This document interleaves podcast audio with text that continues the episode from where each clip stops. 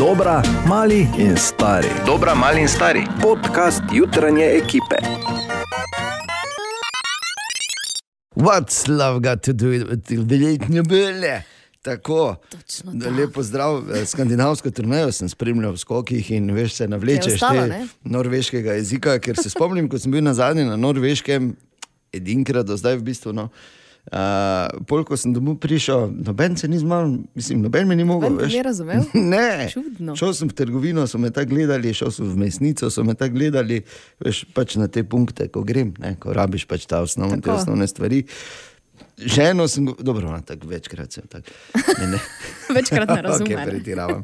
Ampak ja, torej, Tina Turner je bila svojo legendarno What's Love Got to Do with It, ura je slabih pet minut pred pol sedmo in tu sta zvonko in Mirko in mi želimo dobro jutro. Danes je jutro. tako 20. marec, prvi dan pomladi tega novega. novega. Tudi ni več novo, Novega ne. leta. Samo se mi zdi, da je december bil včeraj še no, 22, mislim pa, pa novo leto, zdaj pa glej, pomlad je tu.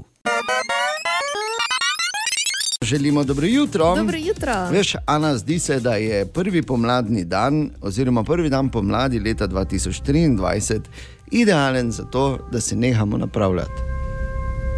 Aha. Govorim seveda absolutno o nas tukaj v studiu ena, Radio City. Nehajmo se napravljati, tak nam noben ne verjame. V bistvu nehajmo delati, gremo Ja, domov, gremo pa domov, bo kaj bolj. izklopi, pa Za vas pa malo muzike. Ne, ampak brez heca. Nehajmo se napravljati, ker noben na svetu mi ne verjame, da bi mene upravičeno, seveda, ker tak je, v resnici zanimali horoskopi.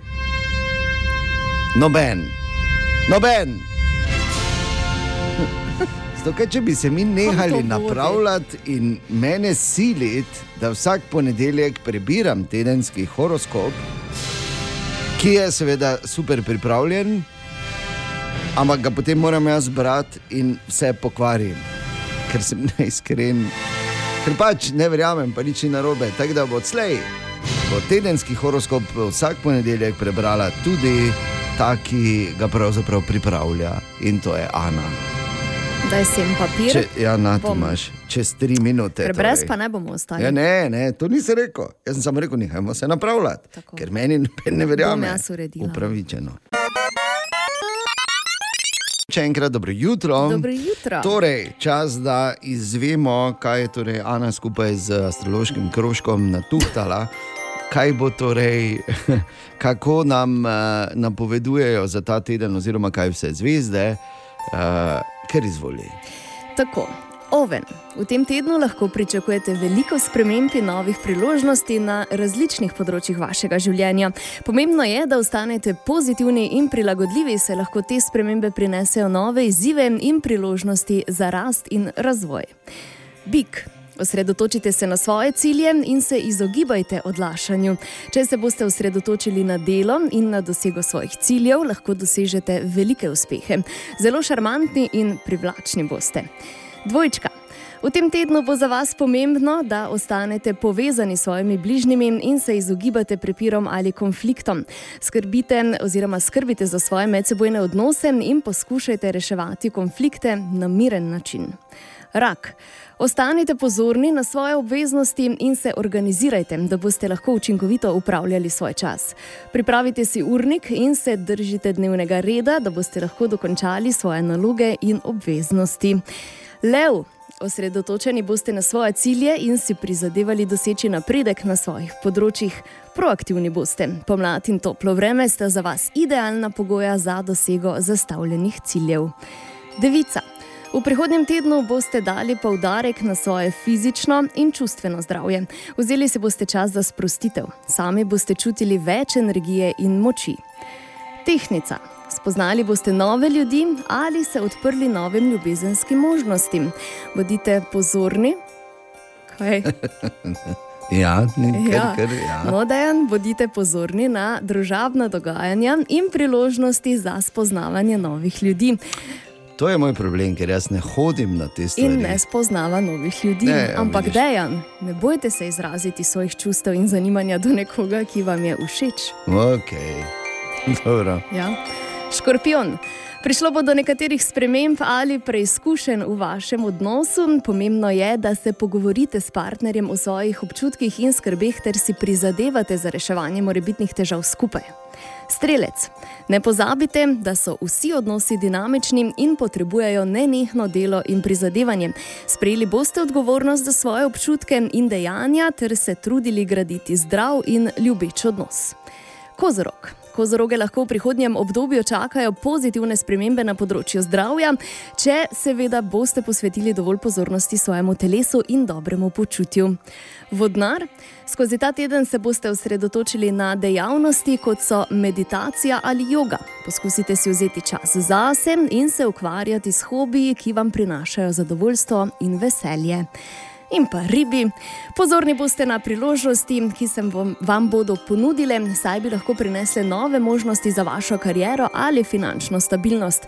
Osredotočite se na svoje cilje in si prizadevajte, da jih dosežete, vendar pazite, da ne boste preveč tvegali.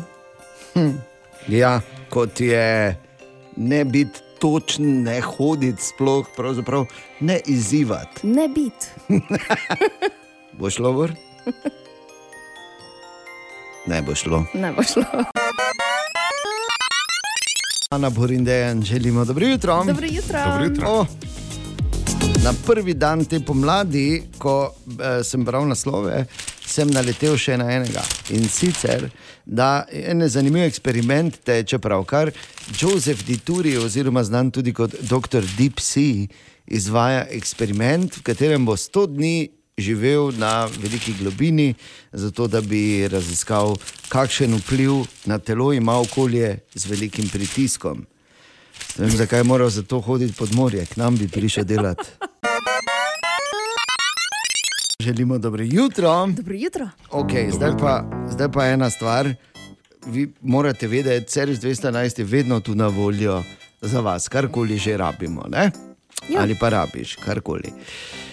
Tudi zelo radi se pogovarjamo, samo včasih pa se zgodi primer, ko res ne veš čisto za res, kaj je hotel umetnik s tem povedati. Veš, ko stojiš pred Ja. fotografijo, poslušaš kaj karkoli. Ne? Bor, slediš?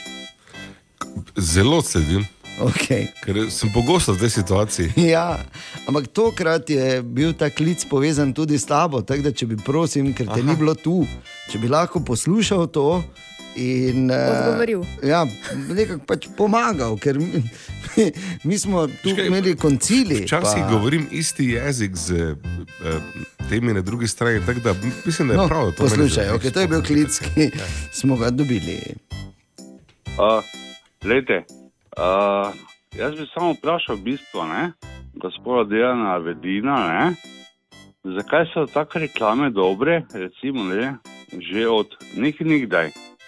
Ne, za Eva, sardine, ono sem pa tja, ne, da so Hrvati pač debeli. Ne, in to je znamka taka, zakaj pa je pol cena taka, ne, ker je dobra, dobro reklamo. Ne? Bogi bor pa se zna, znajde, ali kaj bi rekel. Ne? Uh, če lahko kaj v tem, v, no, se razumem. Ne?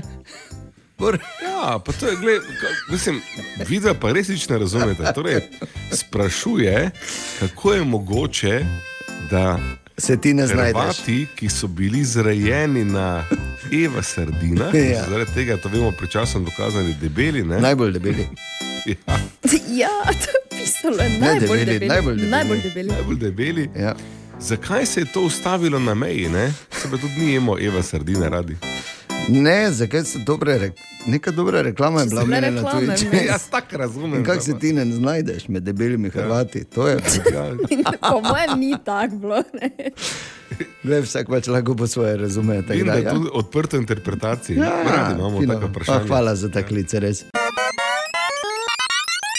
Želimo dobro jutro. Dobro jutro. Eh, Dobro jutro. In ali imaš tudi ti, morda sodelavko, ki tako neusmiljeno pretepa tipkovnico, kot imamo mi dva zborom?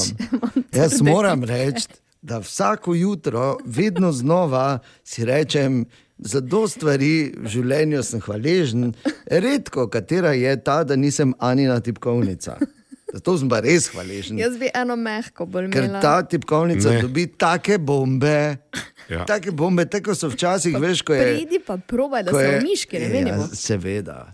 Ne, Tako da se miški ne tipkovnica je. Logitekova K120, či, čisto Ne. standardna tipkovnica, oh. generacije so Lenovo, zračne. Veš, kake bombe? tipkovnico, Lenovo. Da včasih pogledam čez nogo na tuče, gor, veš, kaj ti hočemo reči. Čakaj, ti bom napisala, ne, Ana, prosim, povej mi, boga tipkovnica. Sem nekdaj veš kot varuh tipkovnic. eh, Lahko vam Amerika vedno bil, natipkam. ne. Tako Da, daj, prosim. Skratka, verjamem, da ni uh, osa, hvala, Ana, osamljen primer to pretepanje, ampak hočem samo povedati, vse po svoje pa boljše, ne, da spraviš ven. Da se na znaš na tipkovnici, tipkovnico kot na mestu pa- nad nami. Pa Ne? da sem dovajo prijazna. ne. Ja, no, jaz mislim doma, ker do naju Kaj? z te čaše A, še pa nismo popili. Želimo dobro jutro. Dobro jutro. Jutro. Ja, in veš, kako se včasih se hočeš, nočeš stvari in ljudje razkrijejo. Ne? Tudi skozi neke veš, vzorce ali pa dejanja, ko tako čisto slučajno. Tako smo mi dva zano nekaj testirali, Ana, se spomniš? Kaj? Ja, nekaj smo testirali, eno Se aparaturo. dostikrat testirala. ja, Aparature. Okay. Ampak, no, tu je ta avtentičen posnetek. Joj, ne. kaj? Ja, ja. Kaj? Ti lahko zaupam, kaj sanjam.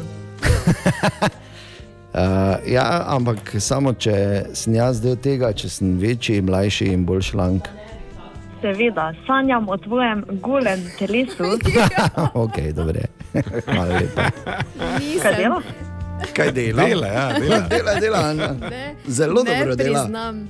Ne Ja, priznam ne, kdo tega. pa je to bil? Pa to je bil test. Ja, seveda. Ja, Če si me napeljal, je Kaj nap- aparature. Če si sama začela govoriti, jaz pa. nič nisem. Am, vse nič ni, vse nič ni narobe. Kdo bi ti zameril? a? Oh, Kdo bi ti zameril? O, Tine! Tradicionalno, dobro jutro, Tine. Dobro jutro. Zdravo. Dobro jutro. In spet je bil vikend za Beli Riders, spet je bil čas za na kolo. Absolutno. In eh, tu imam zdaj eno zadevo za povedati, Grajner, ker pač eh, stvar je taka, nisi slikal, nisi bil, pač ne. Neke Objave moš narediti. Eh, presenetljivo, veliko vprašanj sem dobil, ki je bor. Ja. Sem tako rekel, dolgo se več ne mlagal za tebe, ne? zdaj pa se odloči. Tine, ti, ali ti razumeš, da sem bil Ne. povsem pripravljen in že v štartu, pa, Ne, pa je ne, ne bolezen v družini me ustavila. Ne razumem. Ne vemo, ali je bila slaba riba ali nora virus, ampak tu nekje je bilo. In kaj si pol Kaj delal? imaš ti? ti s tem? Ja, ti skrbel sem za bolehne. Ne? Mm. Se me tokrat presenetljivo je virus ali karkoli bilo izognilo. Mm. Bil sem, gledaj, hotel sem, Skratka, Bil sem, htel Pa sem. šli smo še na, na Romanje, na Ptujsko goro, tako da tam bi to bi ti tudi koristilo. te očistilo malo. Ne? ja, Bi samo rekel, da nauk te zgodbe je, ne more biti tako slaba riba, da bi on kozlo. Ali pa da bi na bicikli šel. Je to tako, tako ne. Jaz moram se posipati s pepelom, jaz sem imel res plan ta vikend, pa so potem druge stvari prišle vmes.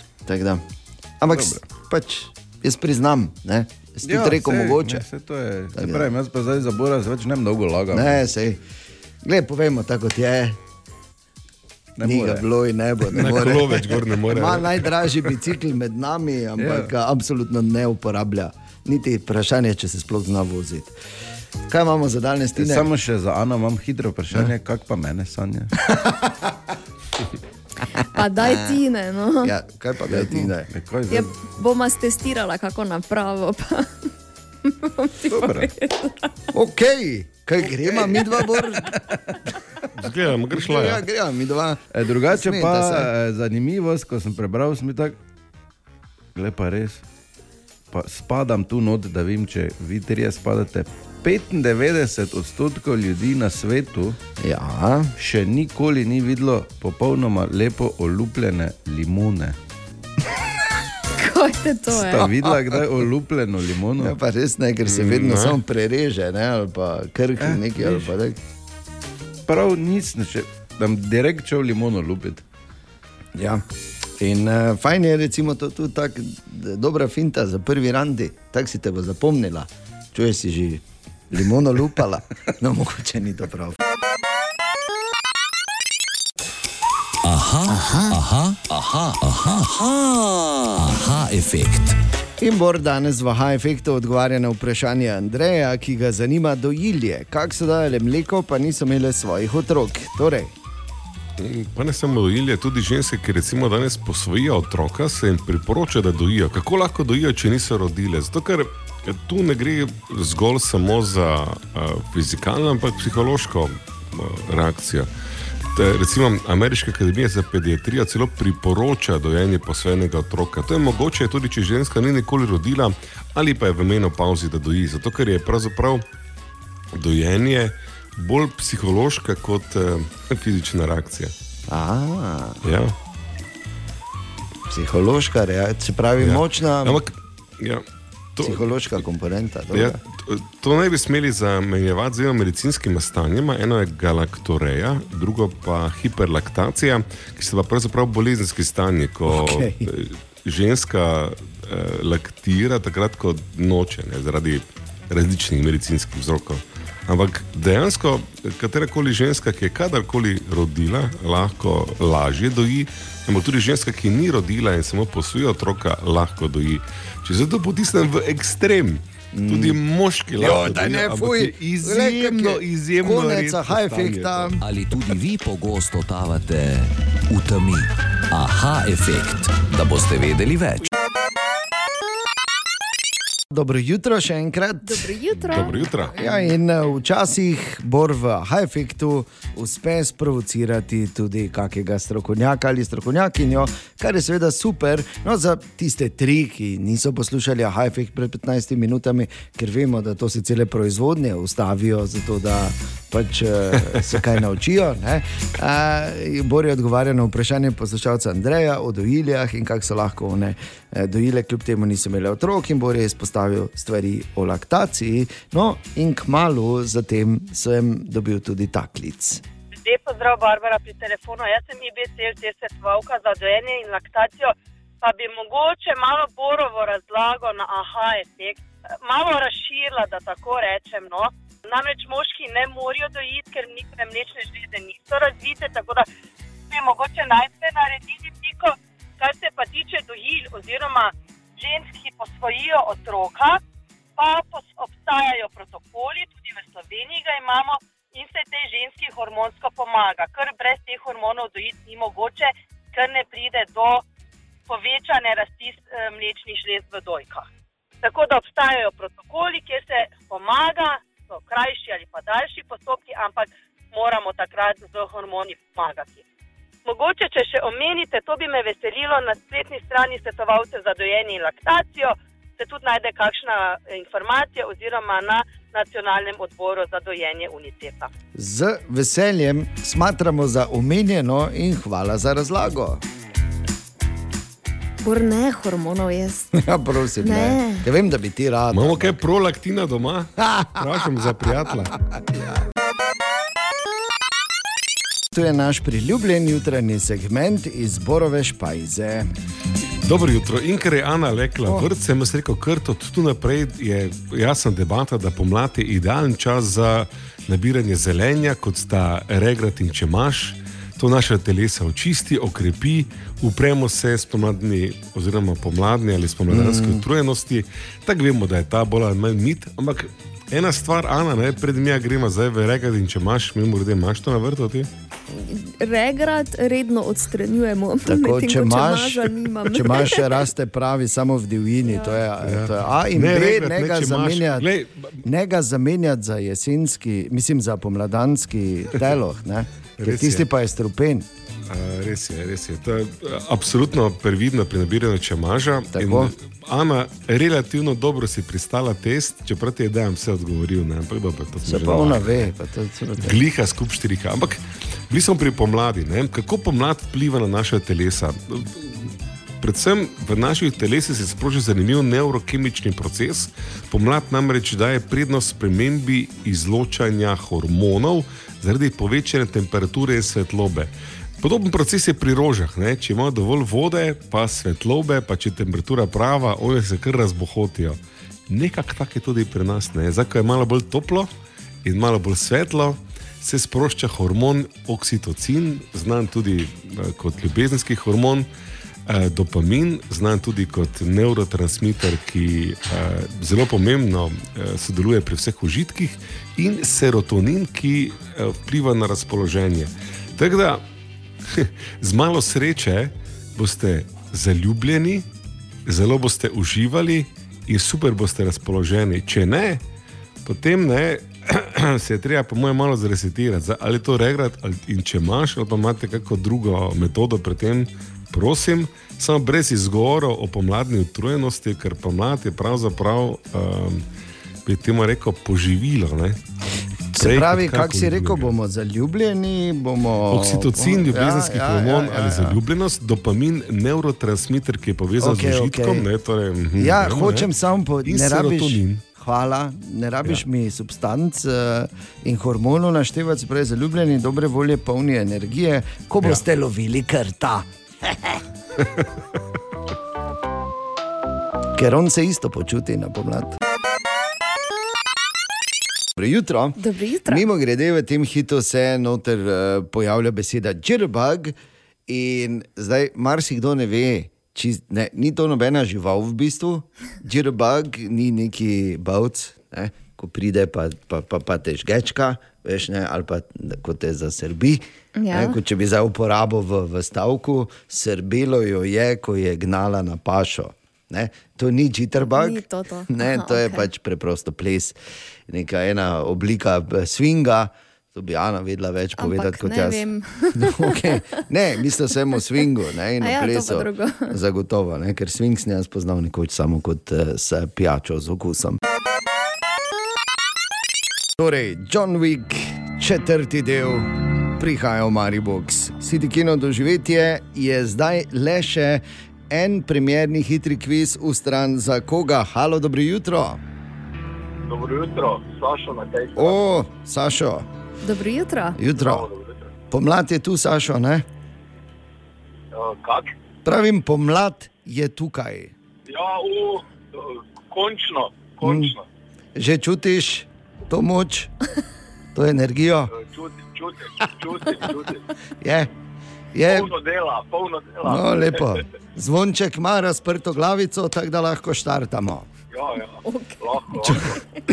John Wick, štiri v Mariboku in uh, VIP doživetje naše City Kino premiere za Sašota. Ampak vprašanje je seveda povezano z Johnom Wickom, je povezano s Keanom Reevesom, ki je zanimivo po, uh, po pričevanjih eden od najbolj prijaznih in dostopnih holivudskih zvezdnikov, čist drugače kot John Wick v teh filmih. Ne? In eh, vprašanje, ali drži ali ne drži Sašo. Keanu Reeves je v vseh filmih o Johnu Wicku opravil približno 90 odstotkov, praktično vse, torej kaskaderskih akcij, kar sam. Eh, Drži. Drži, pravi Sašo. A ti kar zaupaš v Keanu Reevesa ne? in njegove No, sposobnosti. tem, kar tudi, sem o tem prebral tudi med drugim. A ja, ok, po pa te ne bo mučil. Pa bolj nagibam, tek ne bo tudi. okay. Tudi sam kaskader po duši. Uh, ne bi rekel. Okay. Ti me strah, ti me strah ničesa, ampak kaskader pa glih. Ne. okay. To se zdi uh, kar dober način, kako iti skozi življenje. Ampak, Sašo, vabljen na, City, na VIP doživetje City Kino premiere v Mariboku, John Wick 4, ti in verjetno tvoja žena, Tako je. na pravilno. Tako da pol na koncu Ja, samo. Samo povej, ko boš šla ven, vidiš to vse, bi jaz tudi, če bi bilo treba, samo nisem kaskader, ampak če pa bi bila sila, pa ne, imaš ti tu doma, Ja, ja. Džonovika. Sašo, se vidimo v Mariboku, drži se. Hvala, se vidimo. Ja, dio. Adijo. Nov premjerni hitri kviz, ponovno čez pol ure. Želimo dobro jutro. Dobro jutro. Ja, tako, zdaj pa veliki eksperiment moderatorjev Radio City. Ali so ta stekla Rodenštok res tako dobra, kot pravijo? Ker eno je, kar pravijo, drugo je, kar, kako navdušena je bila naša prva nagrajenka, par mesecev nazaj, ki je dobila Rodenštok stekla. In eh, če se že gremo eksperiment, je prav, da sam očak povede. Bor. Ja, normalno, da so mene poslali v prvo bojno linijo in kam v optiko kuhar na Ptuju, ki je zrela za što se na temo, kako ste vi lahko optiki, če zapišete kuhar, ampak profesionalec kot sem, seveda nisem začel na to prvo žogo, ampak vljudno v stilu prišel, videl, zmagal. E, Dober dan, tukaj je optika kuhar.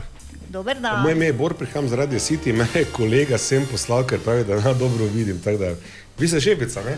Jaz nisem šefica, morate iti do šefice, če ramite njo osebo. Ja, niste živica, moče bi te res rabo očala. Ja? Ja, dobro, zdaj, nihče ne sedene v prvo, ampak po začetni napaki pa je šlo vseeno gladko, kot po maslu. E, vi ste Marija? Ja, E, Marija Kuhar, moj ime je Bor, pišem, se grajem, prihajam z Radio City. Mene so k vam, poslušajte to šalo, mene so k vam poslali, ker kao slabo vidim. Si lahko predstavljate, da bi taki lepi moški slabo videl? Nimam, ne, nimam predstave še. Evo, začela smo zelo dobro. Ne? In super nam je šlo v optiki kuhar na Ptuju, spostavili smo osnove, jaz dobro vidim. Optika kuhar pa je tako podjetje, ker se čuti družinskost, domačnost, bližina stranki, kot da bi bili recimo prijetna restauracija, kuhar na Ptuju, samo da niso, ker so optika. Po pa v zgodbo stopi Sara, grobo vstopi. E, Sara, zakaj ti rabiš rojstni datum za očala? Preden začnemo s samo meritvijo, moramo vnesti osebne podatke v sam program, da se potem na podlagi teh podatkov izdelajo individualna stekla. Kaj moram po resnici odgovoriti? Fajn bi bilo. Mlajši odgovarjati po resnici je tak, tak ne, ampak sem in izkazalo se je kot eh, pametna poteza, ker je Sara potrebovala podatke za skener, DNI skener. DNI skener je v bistvu Rodenštokova večnamenska naprava, ki izmeri individualne očesne parametre, ki se dejansko s samim procesom lahko prenesejo na individualno prilagojena biometrična stekla. A, skener. Skener, tako je. Ni me strah, če si to mislila. Ne, ne, ne, verjamem, da ne. Ne bo hudo. Valjda ni bilo hudo in valjda me je bilo strah, ker koga pa ni strah, ko si soočen z odgovorom, ali zdaj vidiš dobro ali ne. Torej, Evo ga, tu imamo uh, sliko sprednjega očesnega prekata, roženica, ta najbolj svetleči del je epitel, sprednja očesna površina, se pravi sprednja površina roženice, pa zadnji del endotel, potem tu vmes je prekatna vodica, zenica, šarenica in pa potem od zadaj lečko. Ne? dobro, ampak kaj zdaj vidim ali ne? Evo ga, zdaj pa na levi strani imamo za desno oko vse podatke, na desni strani imamo za levo oko vse podatke.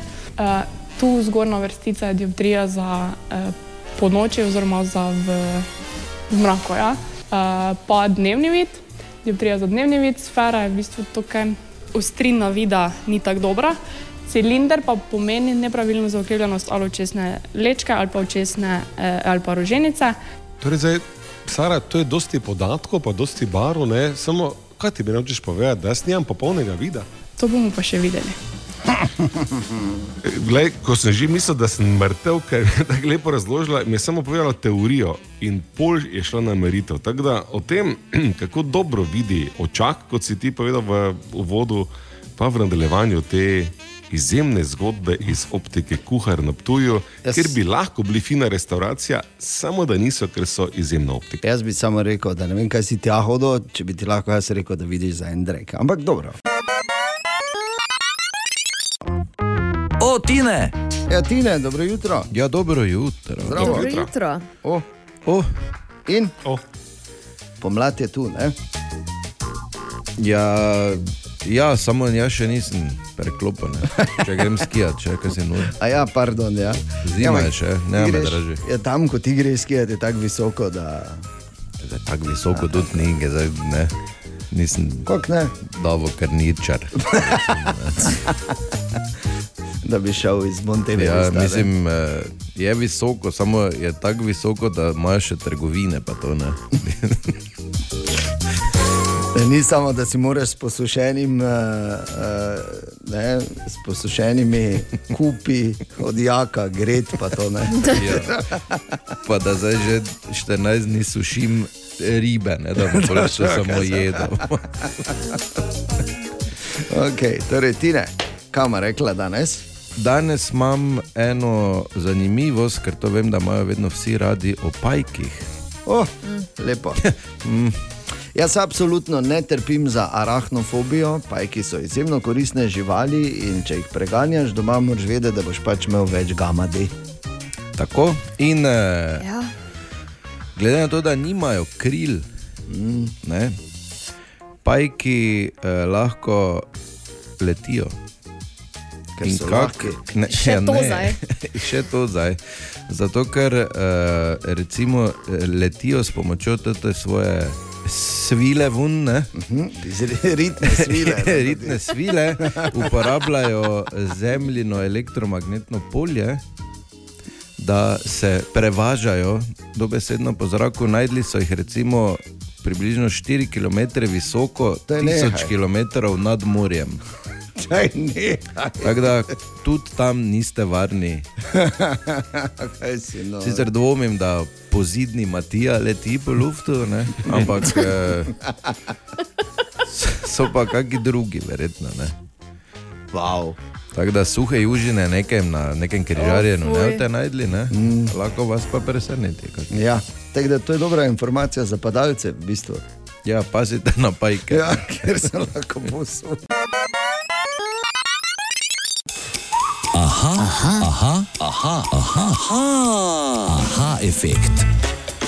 In Bor danes odgovarja na vprašanje Mitje, ki je pisal in sprašuje, zakaj na dan Downovega sindroma, ki je danes mimo grede, obujemo pisane različne nogavice. Zakaj ravno to in kak pomen ima to dejanje? To je eden od načinov dejanj, kako ljudje po vsem svetu izrazijo podporo osebam z Downovim sindromom in njihovim družinam, da si obujajo različne nogavice. Podobno šlo je sicer že bil tudi pri minah, ampak eh, ta zgodba z nogavicami in obeleževanjem Downovega sindroma ni naključna, marketinška, ampak je pravzaprav izvira iz eh, manj znanega dejstva. Leta 2009 sta dva moška iz Kanade, John Lee Cronin in njegov oče Mark Cronin, naredila podjetje John's Crazy Socks. Nič nenavadnega, če John ne bi imel Downov sindrom. In so potem ljudje ugotovili, da hm, tudi ljudje z Downovim sindromom so lahko podjetniki. Zdaj oni prodajajo nenavadne pa pisane nogavice in to z namenom, da človek izrazi svojo individualnost in tako naprej. Vse so že marketinško malo zapopadli uh, ta moment, ampak originalno so se ljudje poklonili ravno temu dejstvu, da je John, čeprav oseba z Downovim sindromom, absolutno zmožen funkcionirati v družbi in od tu se je razvila ta tradicija, ta simbolična gesta, ki, ki izraža razumevanje do ljudi, ki pa imajo Downov sindrom. No, super. Tako da, če še imaš čas, obuji različne nogavice danes. Nič ne košta, je pa močna in, je močno in pa humanitarno sporočilo. Ali tudi vi pogosto totavate v temi?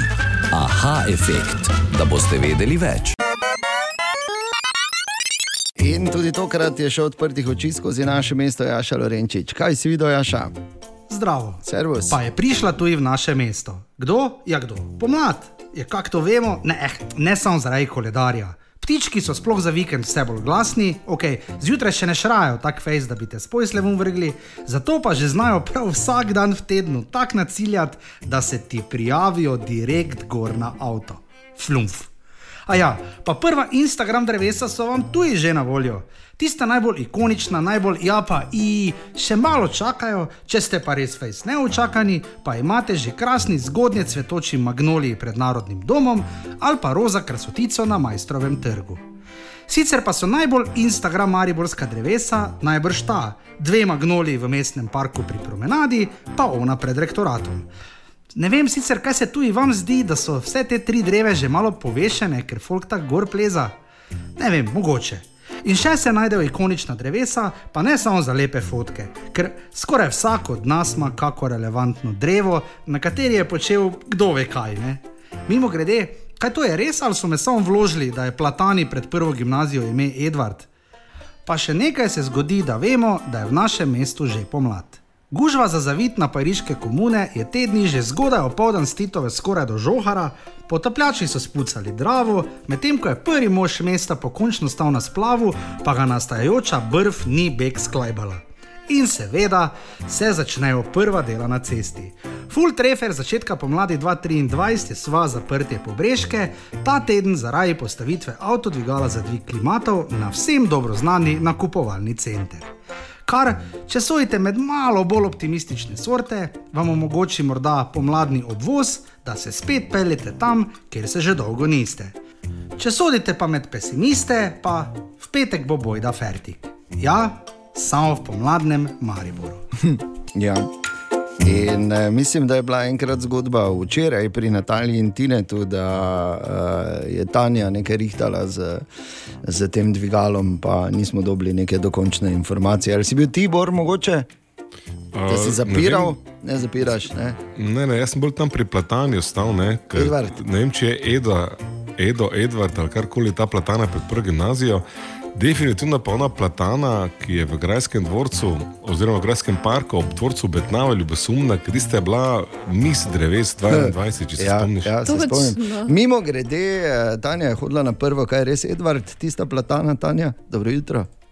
Dobro jutro. Je? Um, ne bi vedela. Se, se to. Noče pa Za ve. ene informacije ne dobiš. Kviz brez Google. Oh -oh. Tomaš. In smo spet na naših ulicah. Danes je z nama, ker je tu Jolly Fras. Zdravo. Zdravo. Kdo?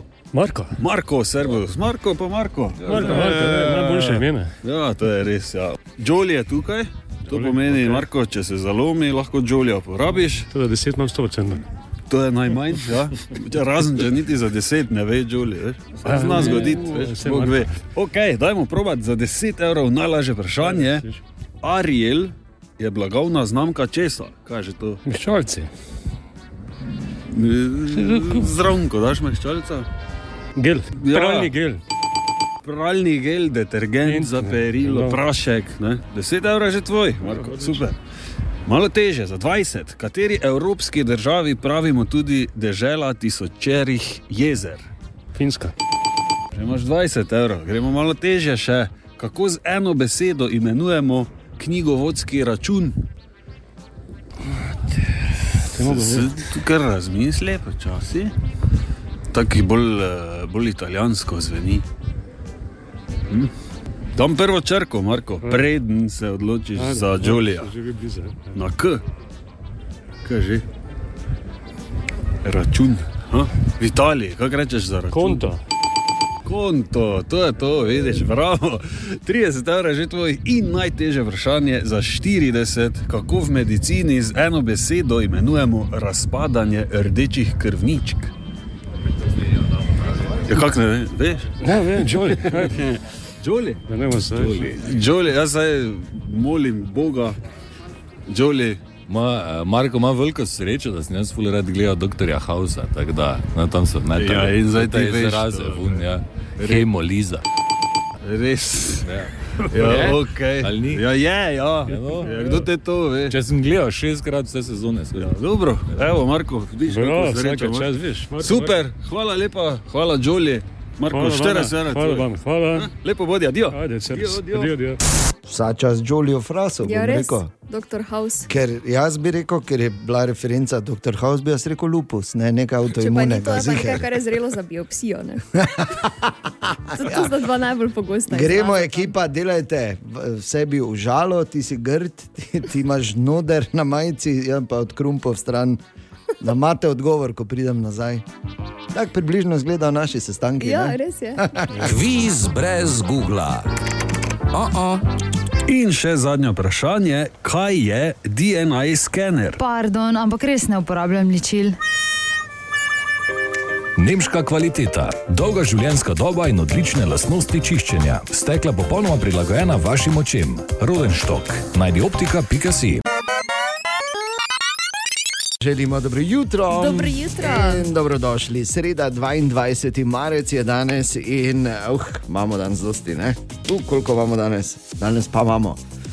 Veš, tak je, se mi zdi, da pravi. Kljub temu, da imaš gužvo, se moraš. Uh, ne? Neki deja vu imam zdaj. Ja, ampak je pa tudi uh, ena stvar, da veš, jaz si to rečem, ko se pogledam. Želimo dobro jutro. Dobro jutro. Okay, zdaj pa to. Ne vem, če poznate pravilo 3:30-300. Ko sem jaz to prebral, sem videl, da tako se deli pri nas, s tem, da smo mi pri enomestnem številu. Ne, ne, ni, ni, ni to, je, ne, ni tako smešno, sploh ni smešno. Je pa povezano z drevesi. Eh, Drevesa so, vemo, oziroma gozdovi so izjemno pomembni, ne samo, da pač seveda eh, delajo kisik eh, in eh, eh, nam nudijo senco, eh, baje so izjemno, izjemno pomembni tudi za naše, za naše zdravje, kar je seveda normalno, če gledamo, da smo prišli z opic, ne, bolj nas še vedno vleče nazaj na, Na drevo, ne. Na, neki, na nek način. Uh, mimo grede drevesa, uh, veš, eni objemajo drevesa, uh, kjer pač naj bi bilo to vse povezano in ta energija. In sem in tja, in jaz se spomnim, da je enkrat v eni naši akciji naš cenjeni kolega Tomaš Medvar, ne, ker tudi njemu je breza spomnim, ja. najljubše drevo in je objemal brezo. In ga je breza tako prevzela, ko sta bila objeta, tam v, v Prikmurju je to bilo, Ja. da so mu solze pritekle. Tako da, uh, zdaj, jaz iskreno povedano, jaz še nisem objemal drevesa, vsaj ne intenzivno. Dobro. Sem enkrat uh, objemal kandelaber, ampak to je druga zgodba. Ki se je ni zgodba- srečno končala. ja, zgodba iz uh, festivala Lente. To.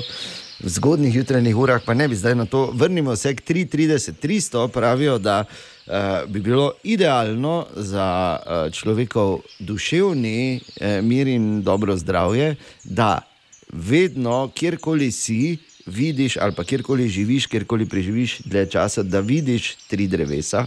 Vsaj tri drevesa. Da, ko uh, živiš v nekem okolju, oziroma da naj bi neko mesto, 30 odstotkov mesta naj bi uh, prekrivale drevesne krošnje, Okay. in pa najmanj 300 metrov, oziroma največ 300 metrov od tam, kjer si, bi moral imeti nek park ali gozdiček. To je baje idealno, so zdaj izračunali, da imaš ta klic drevesa, ne? da je srečni majmun v tebi.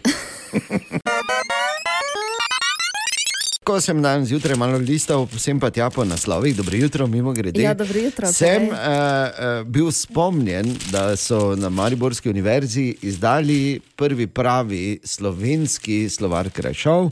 In sicer docentka Mojca Kompara Lukančič je izdala uh, slovenski slovar krajšov in je super. Malo sem šel prilistati to nehec. Ne.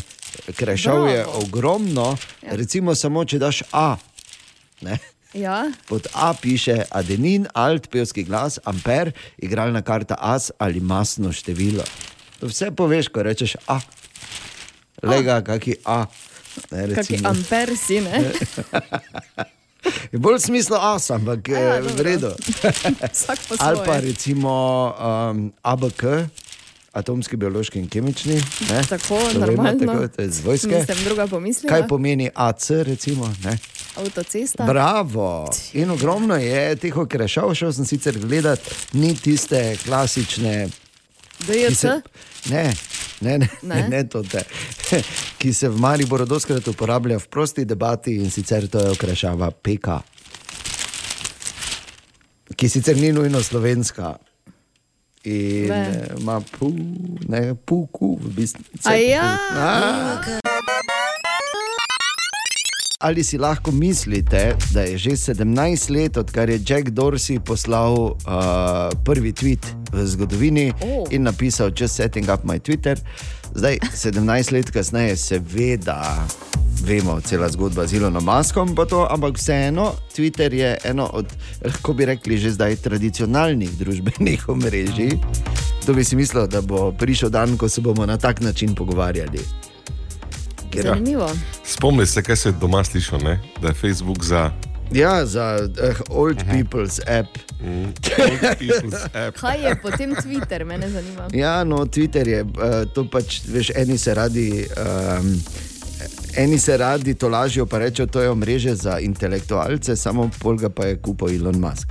Ampak eh, jaz sem šel malo skozi 30 najbolj lajkanih tweetov v zgodovini, ker seveda obstaja seznam. In imam tu tri, ki sem jih eh, prevedel v slovenščino, sicer ker so v originalu v angleščini, ampak eh, me zanima, ali boste uspela ugotoviti, od koga so. O, kul cool igrica. Ja, sta pripravljena? Daj, Ja. Okay. Kdo je torej tweetnil? Uh, ampak še enkrat, to je bilo v angleščini, jaz prevajam slovenščino. Ne? Naslednje, kar bo, bom kupil Coca-Colo, samo zato, da bi lahko dal kokain spet not. Kdo je to tweetno? Srbi me, da bi rekel Elon Musk. Če pa je. ni, Je? Seveda, da je. Ja, pa, kolega Grajner. Kad, O, ne, kako ne bomo se šli za aplauz. smo, ja, pa seveda, ja, pa glej. No, mali aplavz, Ana, samo Mali sebi. aplauz za zgodaj zjutraj. Malega lahko imaš, Bor. Ja. Ma- okay, pazi, naslednji, drugi od treh iz seznama 30 najbolj lajkanih tweetov. To je, kar se zgodi, če ne recikliraš svojih škatel od pice. Kdo bi lahko to rekel? Gre za eh, same malo, znane osebnosti. Greta Thunberg. Ja, pa bo. Pa? Bor vlada. Danes zjutraj bor vlada, bom rekel. Ja, kaj to, sam ne vem. in še tretji iz seznama najbolj lajkanih tweetov, kadarkoli. Zdravo bi se radi počutili stare, jaz sem 40, ni zakaj. Kdo je to tvitno? Uh. Za neka igralka ali igralec? Ne, pevec bo. Morda Ne, pevec? igralec, imaš prav, igralec je Ana. Čakaj, 40. I, Fuva. ja, predstavljaj si, to je nekdo, ki Ja, ga samo- poznamo kot mladega. Harry verjetno, Potter. Ne? ne, ni Harry Potter. On še ni, pa ni Harry Potter. No, Uh, no. Koga še zdaj ne, kot je, ga poznamo kot mladega, zelo popularen je. Zelo, mislim, njegova eh, vloga, ki jo je odigral kot mlad, je kultna v bistvu. Ne, in je potem, ko je bil 40, je tvitno, bi se radi počutili starega, jaz sem 40, nisem. A, kaj. Colin McCulkin. Ja, pa bravo! Pa daj, no, daj plače loto. Pa. Makoli, kolkin je, ni? Pa to ti, ja. Sam doma pač, kaj to vem. Kaj pa Bor? Da jaz ne morem. Bor je vladar. Je. Bor Dobro si vlada. spal, ne? Re. Gospodar tweetov, vidim. Tako zgleda. Enkrat na teden sem gori. Pa dajmo malo o glasbeni zgodovini. Ena od treh, treh, treh. Jutranji sprehod po zgodovini popularne glasbe. Ja, v naši mali šoli popularne glasbe se danes ustavimo pri še enem velikem bendu iz 80-ih, ki je bil sicer ustanovljen v 70-ih, tu na prelomu so začeli harati. In sicer govorimo o bendu Human League, eh, kajti pevka Susan Sully danes praznuje 60. rojstni dan. O, Tako. Human League uh, je seveda bend Filipa Ukija, ki je uh, na nek način uh, bil temeljitelj tudi tega synth-popa in uh, pač te posebne veje uh, popularne glasbe. S hiti, uh, tu, ko rečemo Human League, zagotovo pomislimo na enega od najbolj legendarnih začetkov uh, komadov v zgodovini in sicer. To, to je genialen, A, to je Human League. Genialen zdaj se mi je- začetek. Zdaj To se je- mi je odprlo, prosti. Ja. To je Bravo, hit Em. Don't You Want Me. ja.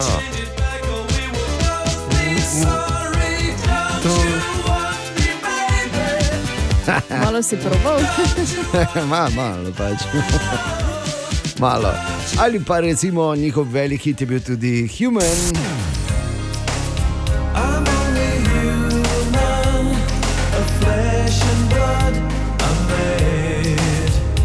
Ali pa denimo Mirror Man.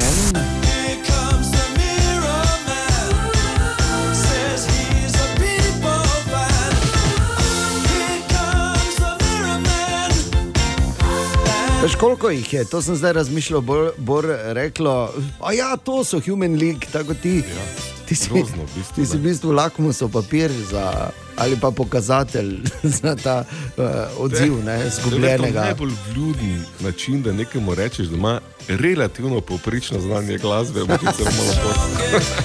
Ali pa pač slab spomin zjutraj, da je nehaj. Vse ni nujno, da je vse žalitev. Ne bodi tak, ne poglej, Ano. Ona se tudi lahko ta piše, pa kaj češ zdaj. Ja.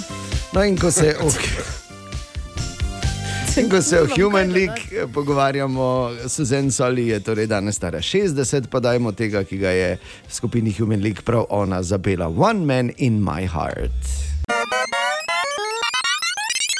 Novice iz Maribora, Slovenije in sveta.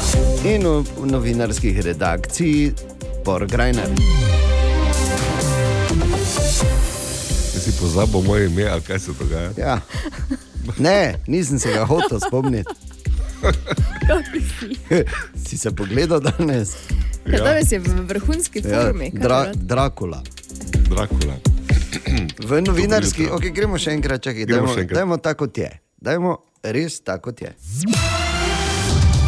Radio City. Novice iz Maribora, Slovenije in sveta. In v novinarski redakciji Drakula. Dobro jutro. ok, te pa bodi resen. Ali sta pripravljena na en trdi mariborski vic? Ja. Sta pripravljena na trdi mariborski vic, to je, to je v bistvu, ta je praktično iz knjige. Eh, eh, do njega sem pa prišel, ko sem malo listal po naslovih. In poslušaj, to sem uh, našel naslov. Rušani si bodo v soboto nadeli rokavice in očistili občino. V Rušah, torej občino, čistijo z rokavicami, v Mariboru pa jo z granitnimi kockami.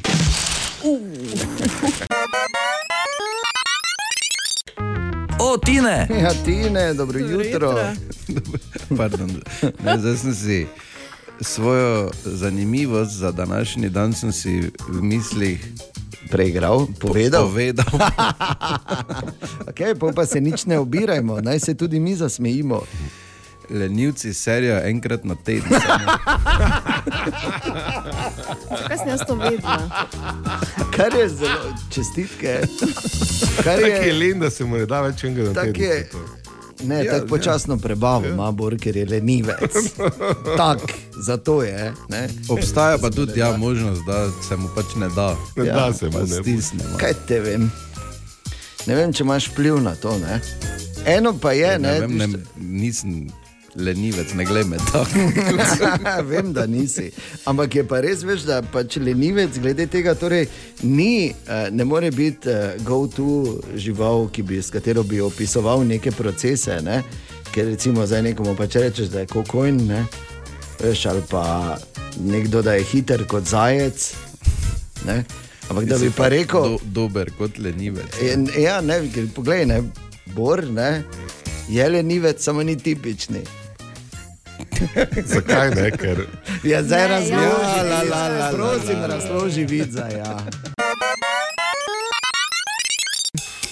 Aha, aha, aha, aha, aha, aha, aha efekt. Torej, Taro zanima, kaj so to, oziroma ti visoki stolpi, ki jih vidimo v uh, Ameriki, v filmih in tudi v serijah, ter v risankah, ki so okrogli in običajno imajo špičasto streho in so na visokih nogicah.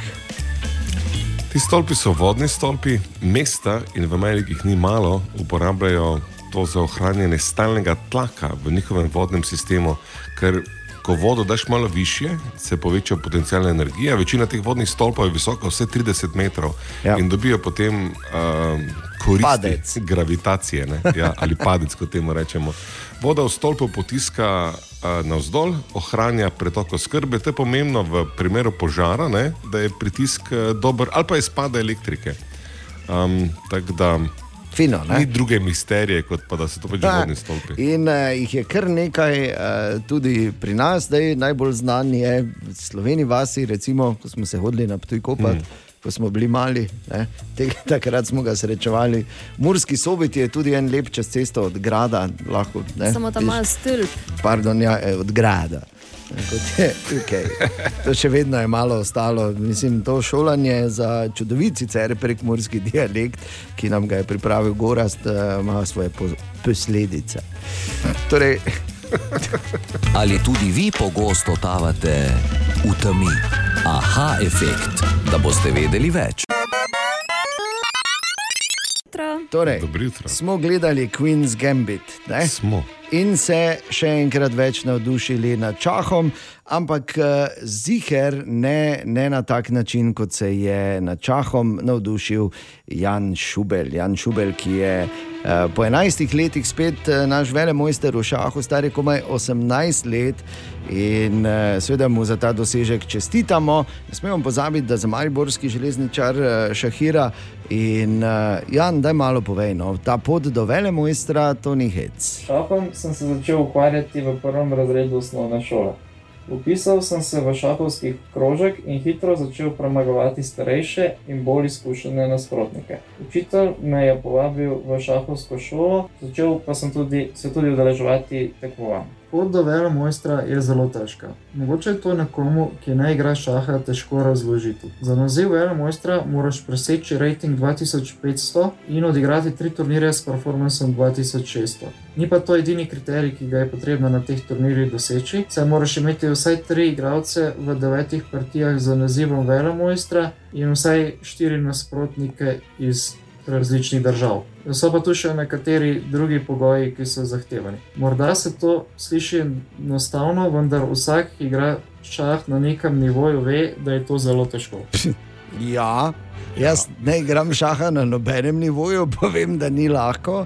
Torej, Jan eh, Šubel, naš 18-letni uh, šahovski velemojster, komu bi ti recimo šah uh, predlagal oziroma priporočal? Šah bi priporočal vsem, ker ko ga enkrat spoznaš, ugotoviš, kako zanimiva igra je to. Vedno se ti ponujajo nove možnosti. Pomaga tudi pri koncentraciji in logičnem razmišljanju, kar je zelo koristno za šolsko delo in tudi ostala področja v življenju. Šah je v Sloveniji postal zelo popularen, saj je dostopen vsem na računalniku ali telefonu. Jaz ga najraje igram v živo na šahovnici. Moj predlog bi bil, da bi imela vsaka šola nekaj mis in šahovnic, in prepričan sem, da bi se marsikdo odločil za to igro. No, evo.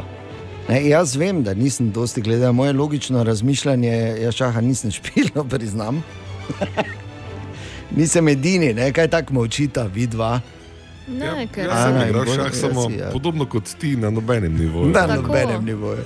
Je pa uh, naš uh, mladi šahovski velemojster uh, povedal tudi eno stvar, ki je recimo en stavek, ki ga odbora še čakamo. In sicer je Jan rekel tako. Življenja si brez šaha ne predstavljam več. No, še čakamo, da bo, bo rekel. Ne? Ampak glej. No, veš kaj, Jan pa jaz imamo istega vzornika, uh, Bobija Fischera, tako da on bo malo okej. bližje sicer kot jaz, ampak gled, čas bo pokazal svoje. Res je. Torej, Jan, še enkrat čestitke za doseženo, veliko uspehov ti želimo in verjamemo, da, bomo, da boš morda prav kmalu eh, med izzivalci Karlsena. 13 minut čez 8 je. Želimo dobro jutro. Dobro jutro. No, včeraj pa smo imeli v Mariboku City kino premiero. John Wick, četrti del, Keanu Reeves, še enkrat več in ta legendarni Baba Jaga, oziroma Baba Jaga, John Wick, četrtič. Sveda smo imeli VIP doživetje za naše goste, in pa uh, na koncu tudi en, enih par vprašanj, ker nič ni v življenju zastojno. Kako se ti je zdel film? Zanimiv konec. Vrhunsko. Uh, nisem pričakoval takega konca. Uh, v redu, veliko akcije. Super, Keanu Reeves, the best. Več je po, postrelo, ko je uh, bilo v trojki. Okay. Kule, bilo vre. Super, gledaj, bo zanimivo je bil. Zanimivo bo drugače. Bomba. Okay. Bomba, ja, tudi kakšna verjetno. je bila Verjetno. vmes. Bi samo rekel, da uh, malo sem trzno na, uh, na besede, na nisem konec. pričakoval takega konca. pika. Ampak ok, pika, s tem nismo preveč povedali, smo pa vas morda še dodatno zintrigirali. V vsakem primeru, John Wick 4 ni razočaral in je na sporedu v Mariboku in seveda priporočamo. Narečja so zakon. Ha, kva, koga, kaj? Ma ne razumem. Tako vse skozi govore ljudje. Dobro jutro. Kot se reče. ne? Ja, Ne, tebe, a, da, na, na ne. silo riva, ampak ok. Torej, Marko Fraz, dobro jutro, kaj smo na zadnje iskali? Dobro jutro. Zdravo. Na zadnje smo iskali narečne verzije te povedi. Od solati imam najraje regrat z jajci in krompirjem. Dober dan, sem Darinka, sem z Goričkoga s Kramorovec, od čalata imam najrajši regrat, z bilicami pa krumčami. Dober dan, jaz sem Franska iz Kučevja. V Kostevskem narečju bi se glasila poved od solat imam najrajši radič z jajci in krompirjem. Bog da, jako dober za tu. Pri nas po temu rečemo tako, od šalot mom najrajši mleče z jajcem pa krompirom. Mark Raskeža, mi pa rečemo tako. Od vseh šalotih imam najrajši mlečec z jajci in krompirom. Miljana iz Zasavja. Pri nas to rečemo. Od solat imam najraje regrat z jajci in kumpirjem. Bog da je timu te tu zgodanina, od šalota mom najrajši regrat s krompirom pa z jajcem. Valerija Kočevar tu. Jaz sem iz uh, osrčja Kozjanskega. Solato imam najraje jergat z jajcem in s krompirjem.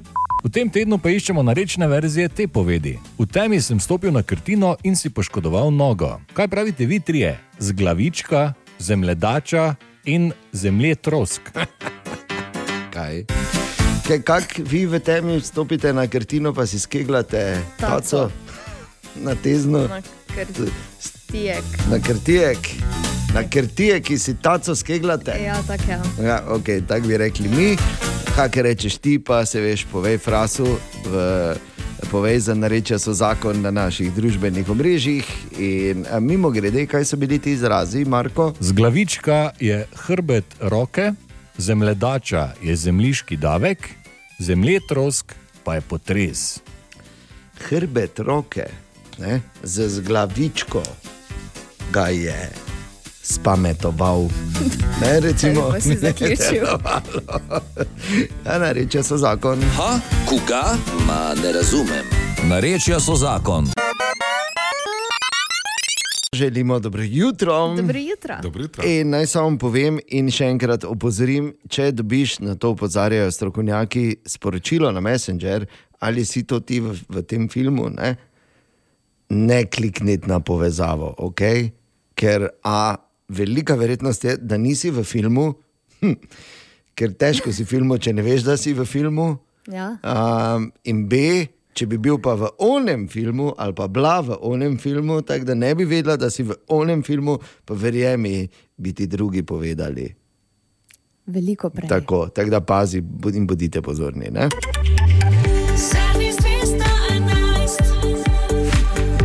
Samo res, kako bi se počutila, Ana, če bi te klicala kolegica, če je fulover posnetek, imaš zunaj. Ne bi se zgodilo, to je A, prvo. Pustiti to, pustiti to. Ne vem. Po mojem bi se pogreznila No, no. do središča zemlje. Ja, to bi morala prej razmišljati. Ne? Ja, Se veš, kaj exactly. pravi stari črnogorski pregovor. Ne? Bor ga zagotovo pozna. Drugače pa prikimal je, samo zdaj, Ja. če koga Ja. zanima, prikimal je. Da, ja. Včeraj, eh, ne samo da je bil svetovni dan voda, ampak v Mariboru smo imeli tudi, pazi, festival ponovne uporabe. In ko sem prebral ta naslov, sem rekel, ah, ločenci so se srečali. To je naš kar kul ali kar slabo. To je, ko si vsak pripravi nekaj, kar se mu zgodi, ali pa kar se mu zdi kul, cool, in pol vprašanje, če tudi ostala dva v ekipi mislita, da je tako. Tako bi na kratko lahko, kako jaz znam kratko razložiti. Ne? Mhm. To je edino, kar znam kratko. Okay. Ker sem, ja, ne, slišal sem te šale, čeprav Dobro. niso bile izgovorjene, sem hotel zapreti takoj. Ana, izvoli. Imam vprašanje, ali vidva kdaj perete teniske v pralnem stroju? Ali vajna žena, predno se Da, to tako, piknete? ja, ja, ja. Ne? Okay. To pa ja. In če opereš bele teniske, se včasih naredi, sploh če so platnene, taki rumeni flek ob strani, ob robu od pranja. Je, to mi je grozno, ko se mi to zgodi. No, kako ga odstraniti? A? Uh, veci papir namočiš v toplo vodo in veci papir samo gor daš na teniske Popivna. in počakaš, da se ta veci papir posuši gor na teniskih. In sabo bom In fleka več ni. Pa daj nehaj. Ja, To pa je super. Tako če imate rumeni flek Ja, na belem, deluje, deluje tudi, Ne. če imaš. Ja, okay. Dobro. Bo, uh, Bor, jaz mislim, da imaš ti eno kar slabo stvar. Ne? sem ti rešila, pa ti težko bi rekel, da je, mi je kul. Cool, Lahko kar rečem. ja, slabo je. Nekdo mi je v Instagram računu drl. Nekdo. Uh, en taki zanimiv hack je, ker vem, da je ime so mi spremenili, pa tudi autentikacijo in gor so dali neki šestkodni autentikator in zdaj moram že kaj v teh eh, družbenih omrežjih ti dobiti eno živo osebo ali pa se prebiti skozi bote, da dokažeš, da si ti res ti je kar zanimivo. Tako da do nadaljnega, prosim, da če ste na Instagramu hm. povezani z mano, ne upoštevajte sporočila, ki pravi, da niso mi bile všeč internet investicije od začetka, ampak potem me je prijatelj napotil na Denija Freda, Ja. ki je Bitcoin mining guy. In jaz sem se odločil, da probam, štatil sem samo s aj, 500 aj. evri. In uh, uganite kaj, zaslužil sem 8000, le v petih urah. Že sem pa mislila, da si mi končno pisal na Instagramu. Ja, enkrat. ko vsi vemo, da če bi jaz investiral, bi to bilo 5 milijonov, ne pa 500 evrov. ne. Tako da, Že to Res je.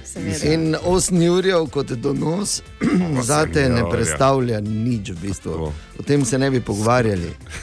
Skratka, slabo je. ne. Ker slabo. Tako da Bor ne prodaja internetnih investicij z bajnimi donosi. Tak, čeprav se sliši nekaj, kar bi ga lahko kdo na 15, kaki jehovec. Ne? Eh, V, kot eh, metafora, seveda, da ne bi kdo narobe razumel.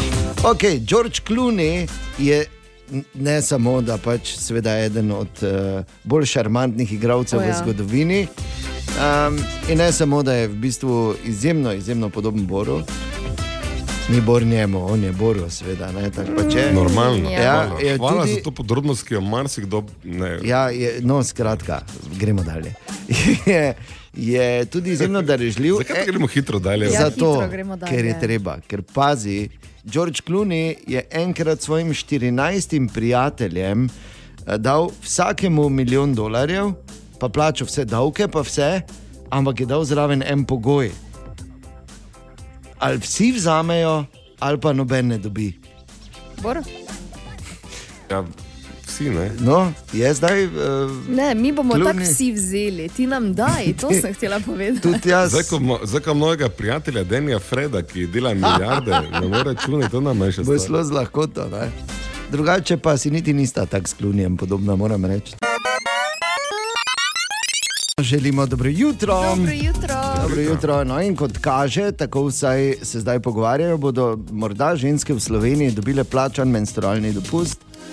Jaz je že čas. absolutno podpiram, seveda, ampak hkrati po načelu enakosti med spoloma se sprašujem, Ja. zakaj pa bi lahko moški dobili plačan dopust. In? in prva stvar, ki mi pade na pamet, dan po rekreaciji, tisti je vedno kritičen. O, Tine! Ne? Od legend k legendi. ja, ja, ja, ja, ja. Na radio je tine. Dobro jutro. Zdravo. Kot je s tabo. Ja. Kot te stav je, če Sabo je tableto. Dobro. Duplek mu un tudi. Mislim, da boš dobo z odprto dlanjo. Pozdrav. Poslušaj, je Poslušam. tebi tudi Bor poslal Ja. nekaj poslovne priložnosti. Moter. Te pa se ne je mogla tako zmeniti, Bor. Zakaj mi pošiljaš sporočilo? Ja. Ne govori, ker notna, zdaj ne morem priti. Da se dve minuti nazaj slikal. V banko ne moreš nazaj? Pa, ja. V bistvu so tudi šparkase zlorabili. Ne? Naj samo povem, mislim, za vse, ki ne kompetentno vejo, zakaj gre, Boru so heknili Instagram Ja, račun. in to tako elaborirano. Ja. Ker jaz nimam gesla, zdaj kot so Dejan 1, 2, 3, ne? moje geslo je dolgo 17 znakov in je večinoma sestavljeno iz simbolov, ne pa iz črk. In, um, Tako tvoje življenje. tako je moje življenje. In zdaj seveda, Jaz gledam, tako je hekno notri, ne to uporablja za razpečevanje idej, kako jaz eh, priporočam služenje. No, pa se v redu, bitcoini. glej, nič ni pač priporočaš. Nič ni Zdaj, narobe. edini način, ne, edini način, da to nekako eh, nazaj spravim, ne, je, da seveda dokažem jaz Instagramu, da sem jaz jaz, zato ker so že zmes dali en drugi autentikator, ki je dvojne narave. Autentikator? Spremenili so notri uh, identifikacijo z telefonom ali pa z e-mailom. Ne. Uh, in zdaj e- e- en sistem še je znotraj Instagrama, kjer ti imaš selfie video posnet, ne, malo glavo obračati, da oni potem vidijo, da si ti ti. Um, kontaktirali vas bomo po e-mailu uh, v naslednjih 3 do Nekoč. 4 dnevih. Da, če v naslednjih 3 do 4 dnevih dobite od mene Instagram sporočilo, ker najbolj lušno je, da se ne tudi, če se pogovarja z mojim Instagram računom, odgovarja naprej, ne, nazaj. Lepo, Tako Da, če vas bot na drugi strani nenadoma vika, ker jaz ne vem, če ne. koga ravno vikam, ne, ali priporoča investicijo v, v katero koli smer, ne, brez nas. Okay. Napako si edino naredil, ker si zjutraj posnel selfie Ja, ja, video, ne, to je fejst Bog ne bo prepoznal Ne, tam. Instagram te bo zavrnil. Pa gladko ti je tudi termin uh, vzel za svoj Instagram. No, pa se nič ni, Zdaj sem žrtvoval sem bolj moj termin, da si ti eh, razložil, da te ne bo kdo napadel. Ja, pa da nobenega ne vikaš, tudi to si razložil. Kaj si hotel reči, ti ne še? Eh, preveč je. Brez veze, ne? gremo raje z Nino Pušlar. Ki O, ja, gremo. ne? Nina, dobro jutro, če slučajno poslušaš. Tvoj Dobro fan klub, jutro. tvoj fan klub Maribor te pozdravlja. Čakaj. Zdravo, Nina. Oh, Joj. O. Tu je vprašanje za HFX za danes zjutraj. Matej je pisal, da ga zanima, za, to, to je super vprašanje, ki smo si ga tudi mi že večkrat, pa tudi že pre več let si ga zastavljamo in smo si ga večkrat zastavili. Zakaj igramo z reprezentanco Kazahstana za Evropsko prvenstvo?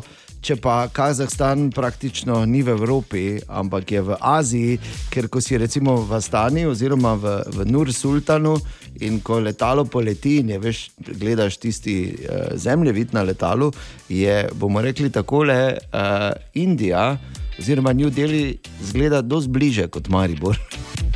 Veš, kaj ti če mi reči, ne? Ja, razumemo. Torej, a, zanimivo vprašanje, Bor pokliči svojega prijatelja na UEFO ali pa pač pridobi uh, odgovor Tine. Jaz vem odgovor. Ja, povej. Iz istega razloga, ko Avstralija na Poje na Euroviziji. Na Eurosongu. Eurosongu poje. Verjetno res je, denar. Ti, ti bi lahko bil gost strokovnjak v HFX, ker si. To je tako moje, kaj bi rad, ti si gost, pa se ne Že znaš. vse skozi. Te, pa- te se pa zmeje, da nas gostoval. Ja, točno Ja. Ja, tako gostuješ. šparkaze na tvojem. Ja, na. Instagramu. Ti si v bistvu. Ti si Jaz v sem bistvu komitent nove KBM od rojstva in bom ostal do smrti. Ja. Kakih In to je- ne, v- v to je bilo kratko- Instagram hacku. To je bilo kratko sporočilo sponzorja, zdaj pa dalje. Aha, aha, aha, aha, aha, aha, aha, efekt. Torej, Mateja zanima, zakaj igramo z reprezentanco Kazahstana za Evropsko prvenstvo, če pa Kazahstan sploh ni v Evropi, ampak je v Aziji. Torej, Bor. Torej, to je super vprašanje. Še boljše vprašanje je, zakaj so Boru heknili Instagram, ne gre se samo s tem naj ukvarjati. ti najprej odgovorim, zdaj, ker imamo to en Ne, mali zaplet. Ne? to drugo Pravkar sem dobil pusti. namreč od Instagrama, da ne morejo potrditi identitete, da sem jaz. Kaj jaz smo na ti napovedala? poslal. Kaj smo ti napovedala, Stine? Tako da, tako da, zdaj se grem obrit, ne, pa bom še enkrat ta video posnel. Mm. Pa da vidimo. Ker si pa.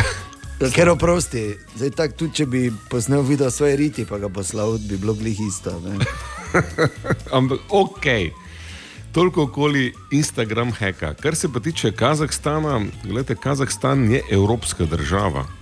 Glede na kriterije, ki jih določa Evropski svet, ker Kazahstan se delno nahaja v Evropi, Ja. njegova kultura, tako Evropski svet, je tesno povezana z evropsko kulturo. Zaradi teh razlogov velja Kazahstan za evropsko državo. Da mu hitro se vpraša, če tudi Avstralija je evropska država po teh kriterijih, ki sodeluje pri Euroviziji. Angleži so jo našli, ne? tako da. Uh, ne, Avstralija ni evropska država. Ne? Evropa je sicer velik kontinent, ampak do Avstralije ne seže. Avstralija lahko sodeluje na Euroviziji, ker je članica Evropske radiodifuzne zveze ali EBU. In ne rabiš biti evropska država, da si članica Evropske radiodifuzne zveze. Tako da Kitajska, to je tvoja prilika. Ja, pa Namibija. Ali tudi Namibija, vi pogosto totavate v temi? Aha, efekt, da boste vedeli več. In veliko sreče meni, ki se grem zdaj brit. Predpostavimo, da me boti na Instagramu oziroma Facebooku niso prepoznali pri videu, ki sem ga poslal, da potrdim, da sem jaz jaz na Instagramu, kjer so mi račun hacknili, zaradi tega, ker sem neobrit. Mm, ne, ne vem, če je to tvoj glavni problem. Ja. Če, bi, mi- če bi mi nehali, pa, ne, moj glavni problem je sporočila, kot sem ga pravkar dobil od Man- Manca. Hvala, nisem kriptomilijonar. Pa še ena druga zgodba je uh, tukaj, oziroma en, en uh, vidik, ki ga je potrebno upoštevati. Bor, kdaj si ti odprl Instagram račun? Katerega leta? povej? 72. leta. Ne, ne, ne, ne, ne. daj čiza res te vprašam. Ne vem, meni leta? deset let nazaj. No, zdaj pa poglej svojo sliko. Pred desetimi leti, pa kako izgledaš zdaj, mislim, pa nočem biti samo veš, ne? gravitacija dela svoje. Želimo dobro jutro. Dobro jutro. Torej, a, ko pride pomlad, se začnejo, kot smo slišali tudi že večkrat v novicah, se odprejo tudi ob zvončkih eh, in trobenticah in noricah, se odprejo tudi fontane. Ne, A, fontana one, one piva fontane. fo- in pa fontane vin. Recimo ena od uh, teh super točk v neposrednji bližini Maribora je posestvo Sončni raj v O, ja. Vodolah, kjer ga je vedno super obiskati iz večjih razlogov. No, Sončni raj odpira svojo fontano. Ne, na, pač tist, za tiste, ki pravzaprav za vseeno, ker tam je res je super iti, ali res je lepo, umirjeno. In uh, uh, jutri, torej, sončni raj ponovno, uh, ponovno začne obratovati, in Bogdan Mak o programu v otvoritvi. Bogdan. Program se začenja že v petek, ko nas bo spremljala taka domača glasba z DJ-jem, in pa v soboto zelo zanimiv program, spremljava glasbena z saksofonistom, in pa zvečer tudi taka mala animacija v temi. Vse skupaj bo podkrepljeno pa z vsemi našimi dogodki, ki se čez celo leto odvijajo. So že napovedani, kateri bodo, torej degustacije parmezano, pršuto, različnih napitkov in vse te zadeve, kaj pač se vsako leto že na vinski fontani dogaja. Zdaj, otvoritvena je letos malo drugače, zaradi tega, ker je pred nami tudi velika noč in v tem stilu bo tudi otvoritev potekala in vse ostale stvari, ki so pač povezane z tem. Torej, tudi zipline, seveda za otroke, učne poti in vse te stvari.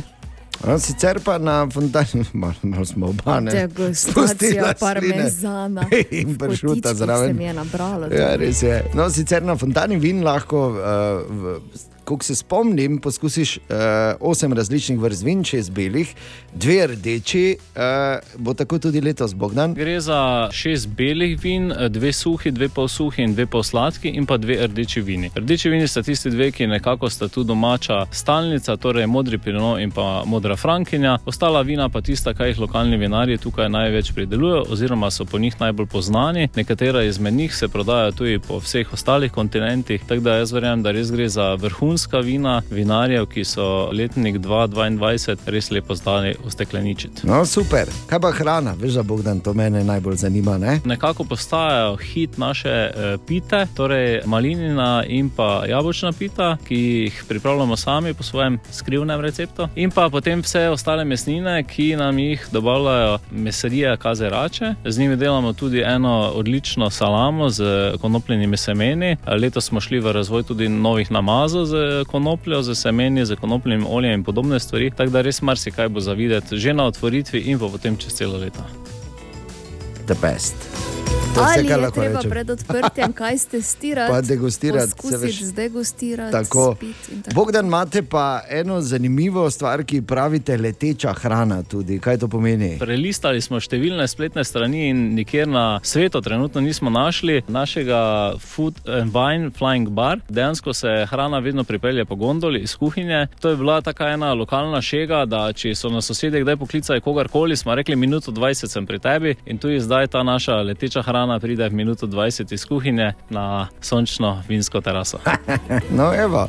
Tako da od jutri ponovno sončni raj v vodolah kot uh, še en način, kjer lahko zapraviš nekaj čudovitih trenutkov. in odprtih oči skozi mesto. Tak gre Jaša Lorenčič. Jaša, kaj si videl? Zdravo. Servus. Da je Maribor najboljša evropska kulinarična destinacija, to najbrž vemo, ne? Zasluženo. Pa ne samo zaradi uradnega naziva, čeprav kapo dol vsem kulinaričnim maherjem. Kak pa te ne bi bili najboljši, če pa je bil teden restauracij nagruntan prav pri nas? Ker Maribor je, ko gre za hrano, res eno tako posebno mesto. Samo da ti je nekdo rekel, da so na tezno najboljši burgerji, smo že leteli tja. Kam se vse že odnegdaj resimo vozimo na pico? Adijo. Recimo v alternativnem placu smo žrli polmetrske hodoge, jedli žemljice o polnoči, reperske face, danes bi jih vsi poznali, pa so zaklinjali na najboljši pasul v mestu. Da se o tem, kje je bil sto let nazaj najboljši zimski sladoled ali pa pomfri, niti ne menimo.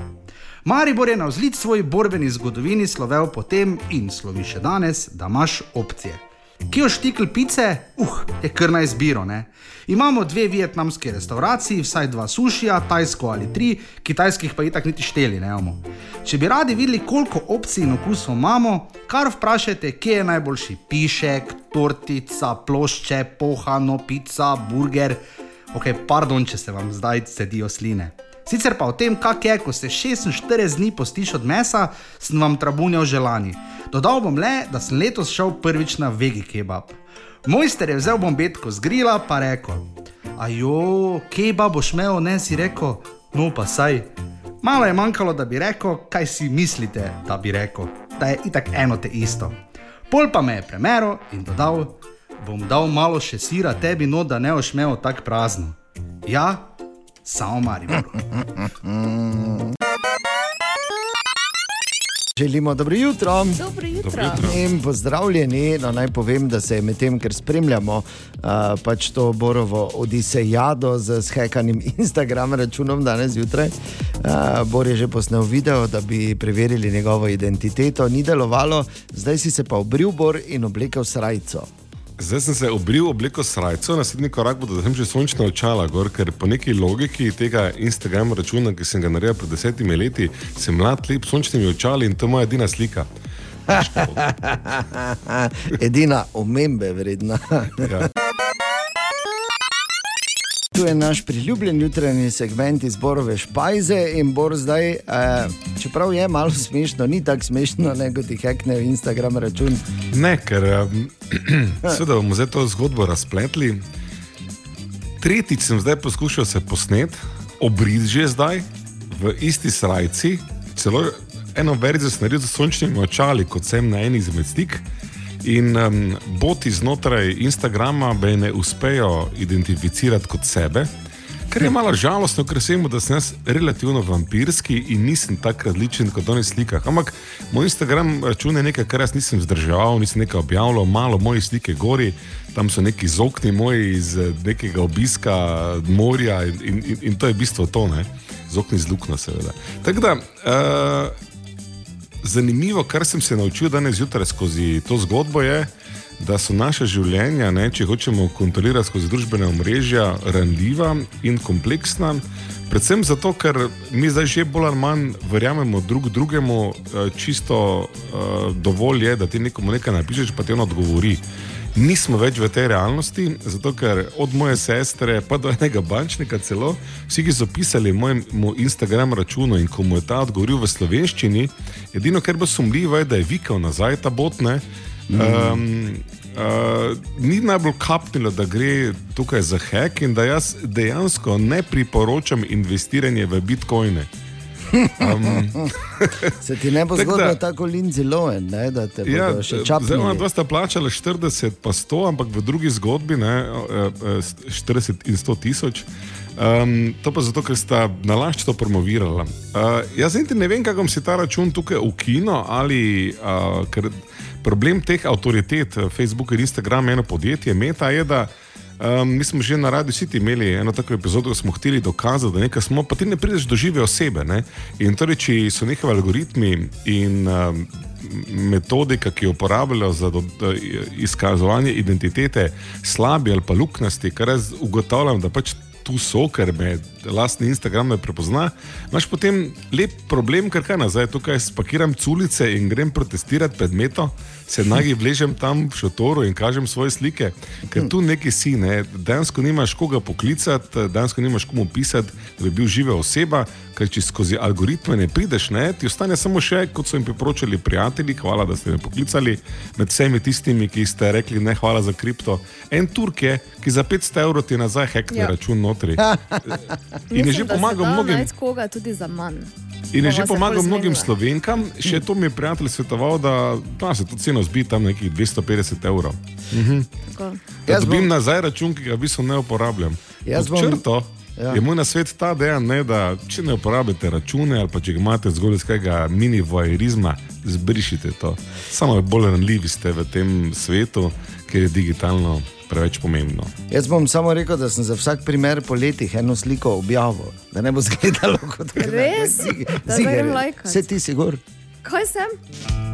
Ja, si, ja, samo če vedno čakamo na tvoj video, ki si ga obljubila danes. A, res sem gor, jaz, jaz sem pride zdaj. Danes pa ni hec. Bor je šel z Natalijo na izlet s turistično agencijo Sonček v Toskano. Tako da danes. Zdaj ne bi rad, eh, da zveni tako, ampak dejansko sem vesel, veš, kam pogledam same mucike.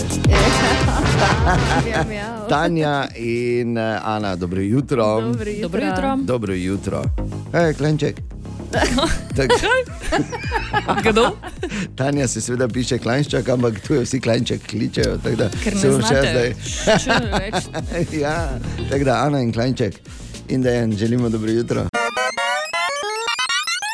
Želimo dobro jutro. Dobro jutro. Ja, dobro jutro. Torej, a, hvala Bogu, ni pri nas Starbucksa. Ne? Mislim, Zakaj hvala, hvala Bogu. Bogu? Je tako, zato je ful drago, pa Dobro, tudi najbolj zdravo najbrž ni, Za en drek, ne, tudi te ostale stvari. Je, kdo je že bil Starbucks tu v studiu? ena? Ja. Tanja, Ne, ne. Klenček, ne. Ja, jaz sem pije domačo kavo. Ja, in to Parizu, edino pametno. Ja. No, super, jaz sem že na večjih kontinentih poskusil ta Starbucks in posod je za en drek, samo povem. In uh, res. Si si prave vzel, veš. Pardon, ne me na robe razumeti, ampak pač nimam rad fuj. Ampak uh, zdaj so se odločili, da bodo naredili eno, eno uh, bom rekel tako, dokaj drzno stvar. Uh. -huh. Sicer v Ameriki s tem začenjajo in sicer bodo začeli prodajati kavo z olivnim oljem. Mm, da ti Ja. plast naredi. Ampak zdaj tako, ali bi probali kavo z olivnim oljem? Jaz mislim, da bi jo Ja, probali bi, ne, ampak proba, pili redno, pa ne. ne? verjetno ne. ne. Veš, kako je to dobro za holesterol, pa vse. Ja, super. Olivno olje je živo zdravje. Kaj pa, če bi v Sloveniji odprli, pa bi dali bučno? Bučno, tako to je naslednji predlog, bravo. Kava z bučnim, ali pa samo bučno, pa malo česna. Ali pa čebule. Ne, ampak eh, kaj pa je najbolj nenavadna kava, ki jo je kdorkoli, kadarkoli poskusil? Vaj, gledam. Taka v slabo umiti džezvi, ko še malo ceta noter ostalo, veš. to je, Jo, fuj. to je po mojem bloker. Oh, Ja. Ampak to je najslabša, nenavadna. Nenavadna Kava s čim najbolj nenavadnim. Nič nenavadnega, Jaz- nisem vem, slabo zmleto. Mm, ok, nenavadna. Uh, jaz bom rekel tako, glede na to, da nisem neki kaskader, za mene je bila med najbolj nenavadnimi ta z kokosovim. Uh, Ne vem, zakaj se temu reče mleko, ne napitkom. Tako. To je ena od bolj nenavadnih. Kot da bi sončno kremo pil. Točno to. Dobro, moj opis je bil malo drugačen. Moj opis je bil, kot da bi se kdo namazal, pa bi to dolizo. Jo, pa Ampak čisto za res najbolj nenavadna kava, ki si jo kadarkoli poskusil ali poskusila. In ali bi mogoče kavo z olivnim kdo probal? Uh, mi smo še vedno, moram priznati, da sem jaz imel namen danes narediti uh, eksperiment. Pa vam je zmanjkalo doma. Ne, ne, še celo imam vse pripravljeno. Samo doma. Ja. Samo je doma, veš. Ja, super. Tako da imam zdaj več olivnega olja doma, kot smisel, da ga bom imel. Ne? Včeraj, ko sem si pripravil, sem rekel, da bom pa sabo nesel, ker bom jutri naredil eksperiment. Tako da, če kdo doma in dela kavo, če si bo dal not malo olivnega olja, pokliči. Ja, naj pokliče. Na servis 211 pa povej, kak je. Ker mogoče, če je slabo, polja s nebom. Ne? Na lastno odgovornost. Ja, ziher. Na lastno, seveda se nobenega ne silimo, ampak tudi na vprašanje najbolj nenavadna kava, ki si jo kadarkoli poskusili ali poskusila. Servis 211 smo tu, želimo dobro jutro. Dobro jutro. Dobro jutro.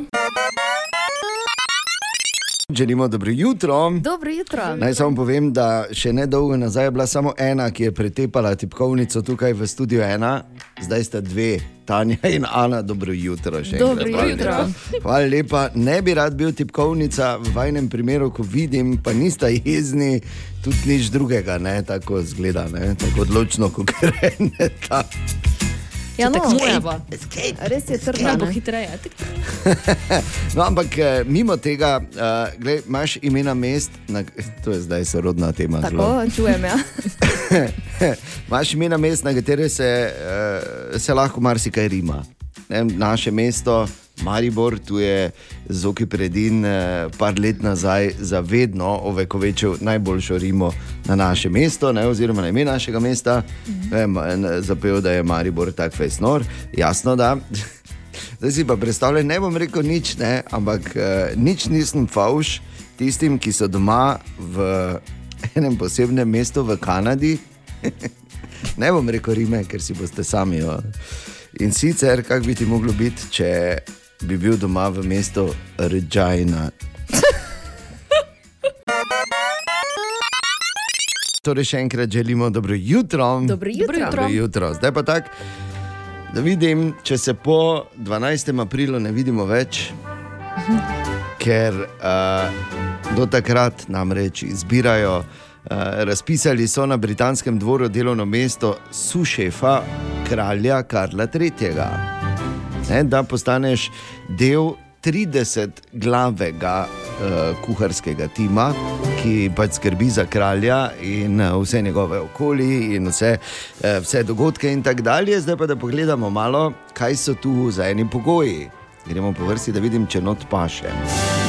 E, torej, moraš biti e, izkušen e, in visoko kvalificiran kuhar, klukica. E, torej, moraš imeti izkušnje iz e, e, neke vodstvene funkcije, ok, klukica. E, in moraš e, biti e, na nivoju petzvezdnične gas, ga, gastronomije, klukica. Kaj še je? Če koga zdaj to opisuješ? E, Sebe. sebe. Ja. kaj? O, Halo? Dobro. Spomni se, kdaj. Kak je na žar vrgo. ja, kak je to je žara, sočno. če Veš, kak bi, ne? če vapčiče. Jo, kak je to 105 sočno. Pa ko imajo ostali to tih 100 falten, da znajo na 100 načinov jajce narediti, jaz imam 103. Faltne. Ja, na kapi. Ok, če ki pazi, kaj dobim, dobim uh, konkurenčno plačo, sicer 45-urni delovnik je na teden, ne? Uh, in uh, delo ob vikendih tudi občasno, zato pa 33 dni dopusta, uh, od tega jih sicer 8 odtegnejo, ne vem zakaj. Obljubijo 33, kaj te na takoj Ja, 25 To rečejo. je to. Zaradi praznikov, A, mogoče. pol pač imaš-. Ja, res je, res. Uh, pol, pol imaš tudi možnost, da na delovnem mestu spiš in da imaš hrano, ne, da ker Buckinghamski palač ali kjerkoli pač je kralj, ker to ti hodijo za njim, ne, tako male race. Veš, govorijo ta, ta, ta, ta, ta. Stasico. Posod, ta, ta, ta, ta, ta, ta. Ne, kamorkoli gre, ta, ta, ta, ta, ta, ta, ta zadaj. Uh, ampak ti to odtegnejo od plače, tako da ne častijo spanja, pa hrane, če si tam. Lahko pa zato, pazi, lahko pa zato koristim številne uh, kapacitete za oddih, ki so znotraj kraljeve družine, oziroma vlasti kralj, eh, kraljeve družine. Kdaj, če te Tako odtegnejo? da, tak da nič bom. bom ja, res je. Ja. Ampak pa tako skozi sami tam ležijo, pa, ker tako naj nič druga delajo, kot ležijo, pa se slikajo. Uh, drugače pa uh, zdaj nič, bom probo enkrat narediti uh, blanširane rumenjake pripeličjih jajc na posteljici iz uh, jedrc cvetov brokolija. S čevapi. Ja, to bo priloga. Pa da vidim, če, če pa še zraven, ker eh, tako ko je delo onemu bogemu revežu, ko mu nalivnika ni takrat umaknil, ne, Ja, tako ali tretji. ja. Kaj še le more ta delati kuharjem? Kaj se jaz bi ga tako narezal, drugi teden. če pomeni. Torej, želimo dobro jutro. Dobro jutro. Dobro jutro. Ker sta Bor in Natalija šla s turistično agencijo Sonček eh, in uh, poslušalci Radio City na izlet v Toskano, da se boste seveda kaj javila že danes zjutraj. Uh, smo danes tukaj Ana Dejan in pa Tanja Klajnščak, oziroma popularno Klajnček, kot jo kličemo. Znotraj ekipe, lahko tudi širše. Dobro Ja. jutro. Dobro jutro. In apropo, ja vidim, kako si vesela, gledaj, dobro jutro, skozi zobe, nekoga bom danes zaklalo, prisežem. Želimo dobro jutro. Dobro jutro. Klajnček, bila si opažena. Veldin. Ne, ni isto, ne moreš. Ja, pa je. Ne moreš. Zato mene noben tak ne kliče tu na radiju, tebe pa vsi kličemo ta klajnček. ne, Klajnček. tako če- Tanja, uh, torej, bi, eh, bila si opažena. Tu sem ja. Ne, ne mislim tako znotraj naše ekipe. Pazi, Bernard me je poklical. Lep pozdrav, Bernard, pri telefonu. Jaz bi sam pohvalil, da že zelo, zelo, zelo dolgo nisem čutil tako jasno in brez napak prebranih novic o pol sedmih. Tudi mi ne. To je to, ne? kaj dela kava je. z olivnim. Dobro, sicer, sicer moram reči, da ni, uh, ni visoka letvica, bodimo. Hvala. Ne, ne to. Ampak hotel sem povedati, ti si jo, ti veš, to je tako, da bi zdaj imela ti. eh, Za preskočiti pol metra, ampak si vseeno prišla, pa skočila s palco pet metrov prek. ne. Tako da, uh, lepo, ne? Bor, pazi se. ja, pazi se, klanček prihaja. Uh, drugače pa, uh, Bernard, hvala lepa, lep dan, želimo tudi tebi čudovit vikend. Ena od treh, treh, treh. Jutranji sprehod po zgodovini popularne glasbe. Zdaj pa se mi zdi samo številke šuhov, nisem povedal še. Ne? Torej, Ana ima 32, jaz imam 42, klanček pa malo manj. Ne? Tanja, dobro jutro še enkrat. Dobro jutro. Dobro jutro. Torej, 32. ja, no, prosti. Se upravičujem. 36. Ja, ja, 36. Seveda, s pol kile vate, ne spredi not. Okay, torej, 35. danes v, naši, v našem eh, sprehodu po zgodovini popularne glasbe se ustavimo pri Gabriele Suzane Kerner, ki danes praznuje 63 let. Ja, piše se enako kot sorta grozdja oziroma vina. Lepo. Ja. Mi jo poznamo sicer bolj po uh, njenem vzdevku, ki ga je dobila med počitnicami starši v Španiji na Majorki, uh, ko je bila še manjša, kajti Nena je španska oziroma katalonska beseda, ki pomeni dekle. In Nena je pač eh, zagotovo eden, od- eno od dejstev iz 80-ih za mojo generacijo in za vse eh, generacije, ki so prišle za mano, pač radi se spomnimo teh hitov. Uh, ona je v bistvu. Uh, Imela tudi izjemno zanimive videospote. Jaz ne bom nikoli pozabil, da je en videospot, vsega lahko greste nazaj gledati. Ne vem točno za kateri hit, ampak tam veš, to, so, to je bil začetek 80-ih. Estetski, uh, estetski nazori so bili malo drugačni. Ja. ne, In je, je veš eno, ko pač tako dvigne roke. Ne, nima šum. ja, osveženi stražun. No, skratka, ampak gled, to so bili drugačni časi. Ona je v bistvu že konec 70-ih se začela tudi resno ukvarjati z glasbo in eh, nanizala številne legendarne hite v 80-ih. Hite kot so denimo Leuchtturm.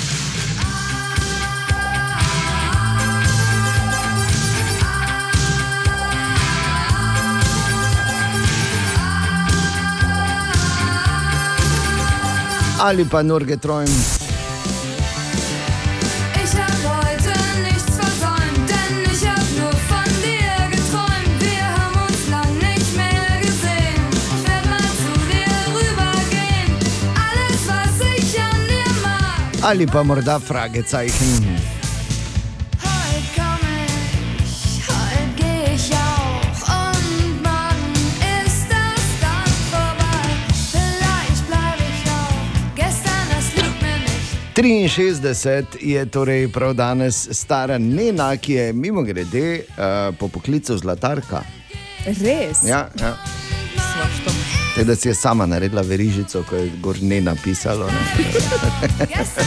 v vsakem primeru pa legenda 80-ih in njen prvi hit je bil hkrati tudi verjetno njen največji, nojno nojncih, Luftballons.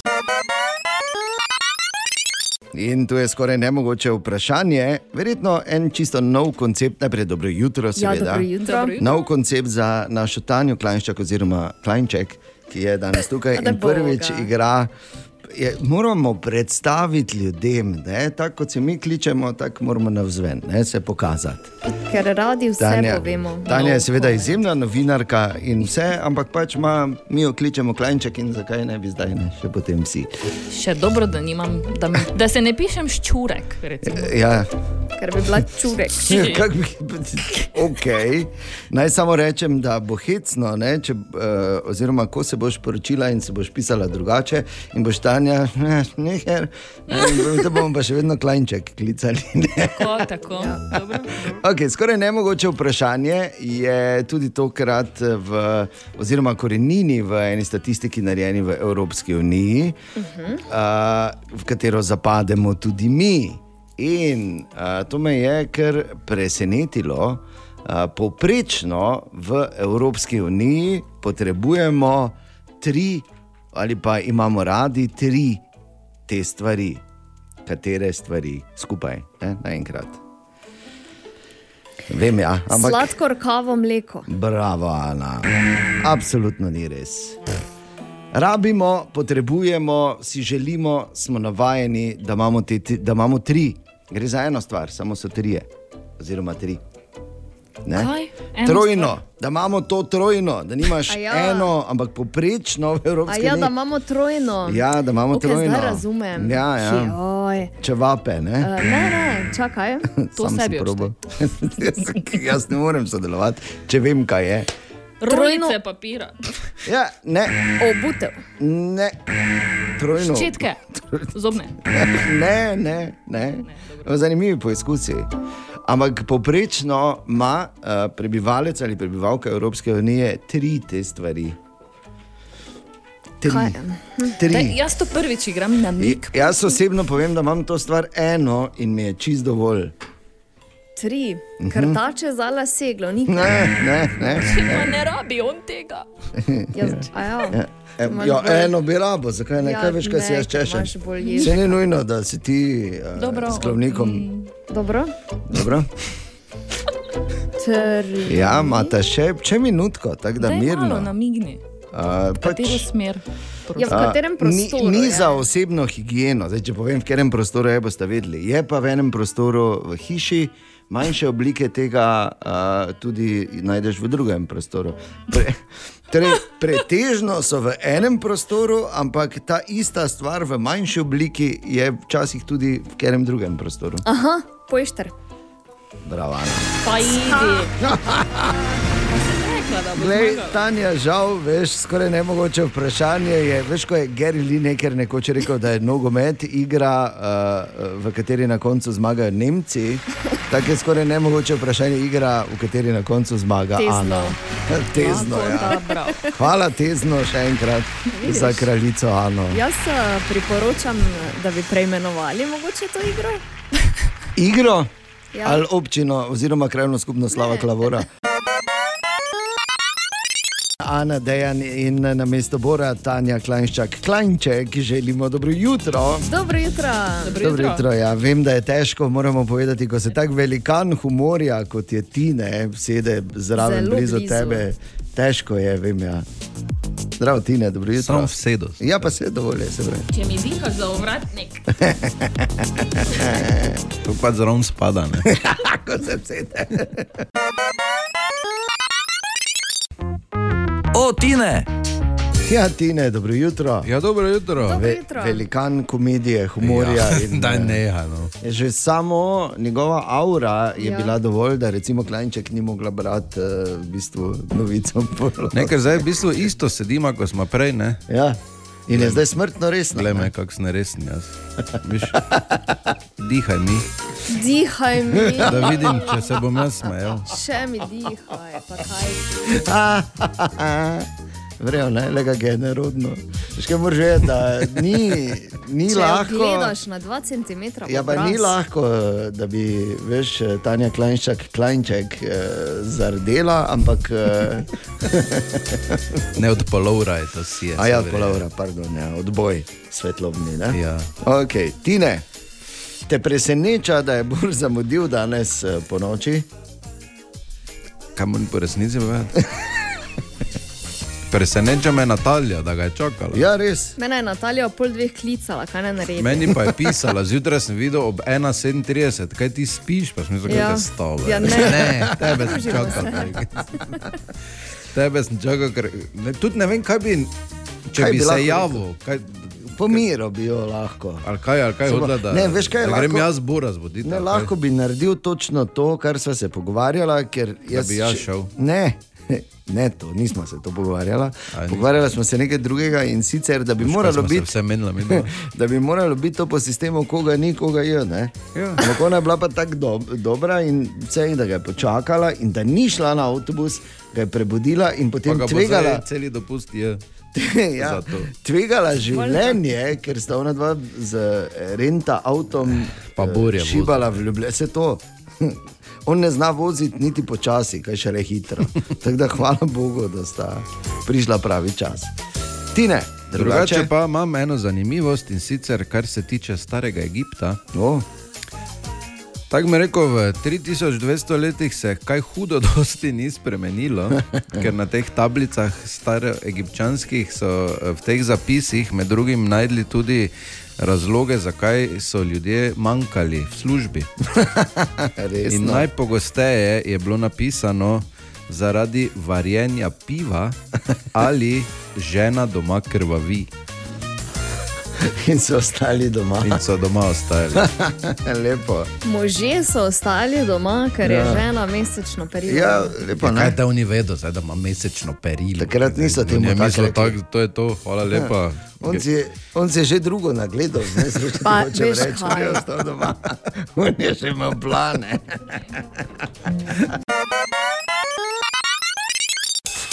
Aha, aha, aha, aha, aha, aha, aha, efekt. In danes v Aha efektu Tine, ki odgovarja na vprašanje Martina, ki je vprašal, koliko je strani na internetu, in na pod vprašanje Dejana, koliko je onih strani na internetu.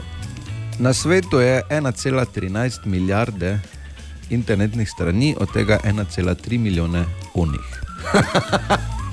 Evo. Ali tudi vi pogosto totavate v temi? Aha, efekt, da boste vedeli več. Dobra, mali in stari. Podcast jutranje ekipe.